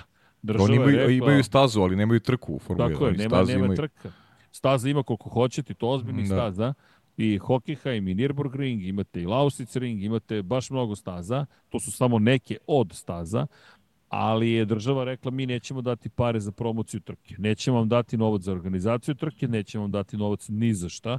To je privatna stvar. Ako vi kao privatni, privatne kompanije želite da organizujete trku Formula 1 samo napred, to neće biti državni projekat. Eto, to je bukvalno, Hasan Da. je to i pričao, zato nema trke u Formula, trke Formula 1. Većinom su, s izuzetkom Amerike, to državni projekti. Dakle, u Americi to je klasičan kapitalistički projekat, komercijalni i svaka im čast na tome. Oni znaju toga da naprave biznis. Za mnogi drugi je to pitanje nacionalnog, zapravo nacionalne promocije. Baku plaća, plaćao je na početku 25 miliona dolara godišnje samo da ima trku Formula 1. Zato što su izračunali u ministarstvu zapravo za turizam, da im je jeftinija kampanja da plate Formula 1 25 miliona nego da kupuju oglase, reklamni prostor na televiziji, na internetu i tako dalje, da plate Formula 1 da dolazi u Baku i da tako popularizuje Azerbejdžan. Eto. Da, da. E, tako da, da znate. Da, inače nije ni jedna grade 1 staza na Balkanu. Pa da, nema, nema, nema, nemamo mi staze tog, tog, tog tipa, ali da to je lepa tema, to, ali nažalost i tužna tema. Inače, kako obstaje Hungaroring u celom ovom ludilu? Pa, pa, pa više pa, pa, pože, pa dobro je poželjeni region, ljudi, ovo je, ovo je jedina, ta jedina staza koja postoji u regionu. I između Znaš, ostalog. Is, isplativo je. Mislim, isplativo je. I iz, ima tu više stvari. Inače, Bernie Eccleston je vlasnik staze, tako da zna kako se lobira. S druge strane, Mađarska to podržava. S treće strane, ovo što je Paja rekao, Koliko ljudi ode u Mađarsku, evo imate i preporuke, idite u Mađarsku, idite u Austriju, pa da, su trke. Pa dobro, i Budimpešta je generalno Budimpešta lepa. onako i poželjna destinacija. je poželjna, tako, tako je. Tako jest. I Jedan to, mnogo lep grad. Jeste. I staza je I tamo ispostavilo se jako dobra i dobrih trka smo gledali. Jeste, u poslednje vreme baš bilo dobro, što iznenađujuće. Sad kada su veliki bolidi, postalo je bolje. I ima to još jedna bitna stvar, a to je zapravo da je generalno grad koji je posvećen Formuli 1. Slično Montrealu, tamo imate posebne događaje kada je Formula 1 u gradu i to u kontekstu toga da imate mesta za potpisivanje, za doček vozača, znaju se u kojim su hotelima i sve prolazi u vrlo pristojnoj i lepoj atmosferi i iz svih tih razloga nekako uspeva Mađarska da opstane. I, i svaka čast na tome, zaista. Ne, ne, kako I, ne. Pa... I ima lepu poziciju u cijeloj priči, a to je u sred leta. Ne, I tako je. I taj, kažem, region, geografski položaj u odnosu na koliko, iz koliko zemalja ljudi koji vole Formu 1 mogu lakše da dođu i stvarno je ambijent uvek super. Tako da Mađarska će i opstati ovaj, Gotovo zato što je, zato što je ovom podneblju je potrebna ovaj, da ima jednu takvu trku. Gotovo sigurno. I, i, i samim tim i Mađarska je zatvorila vrata nekim projekcijama na priču koju ste imali da li postoji šansa da u regionu bude. Mislim da da, da, da Mađarska popunjava ovaj, tu, ajde da kažem, tu brojku ovaj, i ona je predstavnik i, i, i ovog regiona ovde, realno. Da, inače ovde zalazi sunce, pa evo, bukvalno. Neće imati više prirodnog osvetljenja. Aj, prošao da. je ručak, proći će i večera. Samo da se razumemo, pričamo o tome da je sezona uveliko počela. Ja sam trenutno na obali mora, na Pacifiku. Jeste hladno, ali može da se kupa čovek. I mhm. pa ja smo tri sata i kusur pričali o Formuli 1. Toliko o tome koliko je i volimo i koliko je sezona uveliko počela. Dakle, Da, i, pri, i, pritom, i pritom net je sjajan, nije nam zabagao. Ok, malo smo kasnili, ali znaš da smo ranije Reci. znali, znao da nam zabaguje Zna net. Sada je, sada je sve bilo čisto onako i lepo smo se ovaj, i čuli i, i bilo je I zabavno. I baš je bilo baš. dobro. Da, inače napredujemo, sad smo, sad smo nešto drugo naučili šta nam nije radilo, ali ljudi, hvala vama za razumevanje, šta drugo da kažemo. Učimo, mi smo tim koji koji nismo has, ne ponavljamo baš iste stvari. Mi pravimo nove greške. Mi smo, da. šta smo mi? Koji smo mi koji pravimo nove greške? Ferrari. Ferrari. Pravimo Nemo, nove ja. greške. Pravimo nove greške. Tim pravimo nove greške. jeste, jeste. Da. Samo to, pravimo nove PNG, Tim PNG. Da. Da, da, da. Pa, da. PNG, PNG. PNG, PNG. Dobro, da, tako, neki, tako neki tim ali stvarno je mnogo bolje. Ja moram ti priznati da sam ove godine malo nakalemio nekako opremu drugačije, ali radi sve, utako sam radi i sad smo Super. rešili ovo drugo pitanje, sad znamo i u Beogradu što treba da uradimo, što nam se inače nikada ranije nije desilo. Dakle, možda jednom za pet godina, ali naravno čim smo hteli da uradimo kako treba iz Čile sve, onda krenulo ludilo. Ali dobro. Kaže mi ovaj, pa, da, ćemo reci, sledeći, sledeći ponedjeljka ćemo isto priču, a si tamo, jesi ja? Ja sam tu, ne mrdam, čak ne mrdam sa ove lokacije, tako da mogu eventualno da, da stavim okay. neko cveće iza sebe ili tako nešto. Okay, ne ali net je sve super, okay. sve funkcioniše, pa ako budemo svi raspoloženi, a nešto mi govori da hoćemo, sedemo pa, pa i ispričamo se kako god. Pa da, možemo, ta pauza taman, od, od sedam dana mislim da će biti Pa- ovih novih stvari u tih sedam Čekaj, dana. tako polako, u četvrtak Toto Wolf dao otkaz, otpustio Luisa Da, da. Hamiltona i prodao ekipu Andretiju. da- Prodao ekipu Andre. Da, da, niš- Ono, potpun Ništa. haos. ništa nije nemoguće, da. Pa ne, vidi, šta, ako otpuste Hornera, znaš, to, to, to nije nemoguće. Pa da priča se ima neka vest, stvarno da, da svašta se priča. Svašta Da, se svašta priča. se Ne, nisam hteo da potežem kao ni ti, ni, ni, ni ti, ni ja Ne, ne, ne, ne, želimo pa ne. da pričamo bukvalno, žuto bukvalno. štampa, nismo, odbijamo to da budemo, ali ako ga otpuste Pajo, pa to je opet tektonski poremeć, pa to je totalno haos. Ta ekipa Jeste. ostaje bez glave koja je tu već skoro 20 godina. To se ne Jeste, menja jeste. preko noći. To, to ako se desi, ne, ne znam šta ćemo da radimo. Čućemo se. Čuće, čućemo se. Čućemo. Čućemo se. E da, jedino što ne mogu da pročitam Patreone, ne zamerite, tako da ćemo danas uz muzikicu da se oprostimo. Ako se ti Pajo slažeš sa mnom, Slaže Pa se, naravno, ćemo naravno, sve okej. polako sve da, okej. da idemo u suton, što kažu. Sve okej, A- ništa. Ovaj, želim vam sutra tebi Dekiju da ovako imate dobru Hvala. vezu i konekciju i da i da budete raspoloženi da da ovaj da, da, da mi koji slušamo oduživamo, a, a mi smo na vezi i, i, i dogovaramo se. E, samo mi reci još jednu stvar za kraj, malo ću privatizujem. Moj imenjak, Da. ili, ili okej? Super je. Super, Super je, je. dobro, to je dobro. Tako to da, bitno, da, Dobro. da, imali smo malu dramu, to je moj tata, ali super je danas je sve kako treba, tako da Eto, dobro, javio super, se eto. sam video pozivom sa 84 godine. Na, nemam veruješ da Sjajno. Burazirja pali u nesvest. Mi strepimo šta se događa, ne događa, pošto se to dešavalo u- dok sam ja bio u putu i jutro nas zove sam. Kao, e, gde ste, momci, šta radite? Šta desmo, šta radimo? Ali bi ispalo super. Dobro, tako to da, je, to je, eto, lepim vestima Pa da završimo ovaj Jeste, danas. jeste. Lepi Super. vestima. Pozdrav za sve Pavle, to su divni ljudi, uglavnom. Pa da, nije, nije, nije lako biti Pavle, da. ali je lepo, E, ali je lepo. Mm. Nešto da snimimo, kao biti John Malković, biti Pavle Živković. Biti znaš, Pavle Živković, da. Biti Pavle Živković. ili, Pavle, događa? ili Pavle Ercik. Ili Pavle Ercik u, Da, da. Omnibus. ne, ne, ne, ali zamisli jedna nedelja, dan nedelja, kad se radi trka iz tvoje perspektive. Da, da. to bi bilo zabavno. Ej, Bajo, znaš da te volim, šaljem Takođe, ljubav svima Srki. koji su sa nama. Pozdrav Vladu, pozdrav i kogod da je tu, verujem da ste samo vas dvojice sad, Sad smo ostali nas dvojice, da. To, to, to, solo ekipa. Solo, I- drink, solo drinkeri, što bi rekli. Ča, na čajanka, jeli? Na čajenkama, da. On nanuti kamilicu i sve kako treba. Ba, da, E, ubijamo sad- čajeve. Sad je sunce stvarno zašlo, dakle, bukvalno. Idi malo, idi u obuci Idem. nešto, ajde.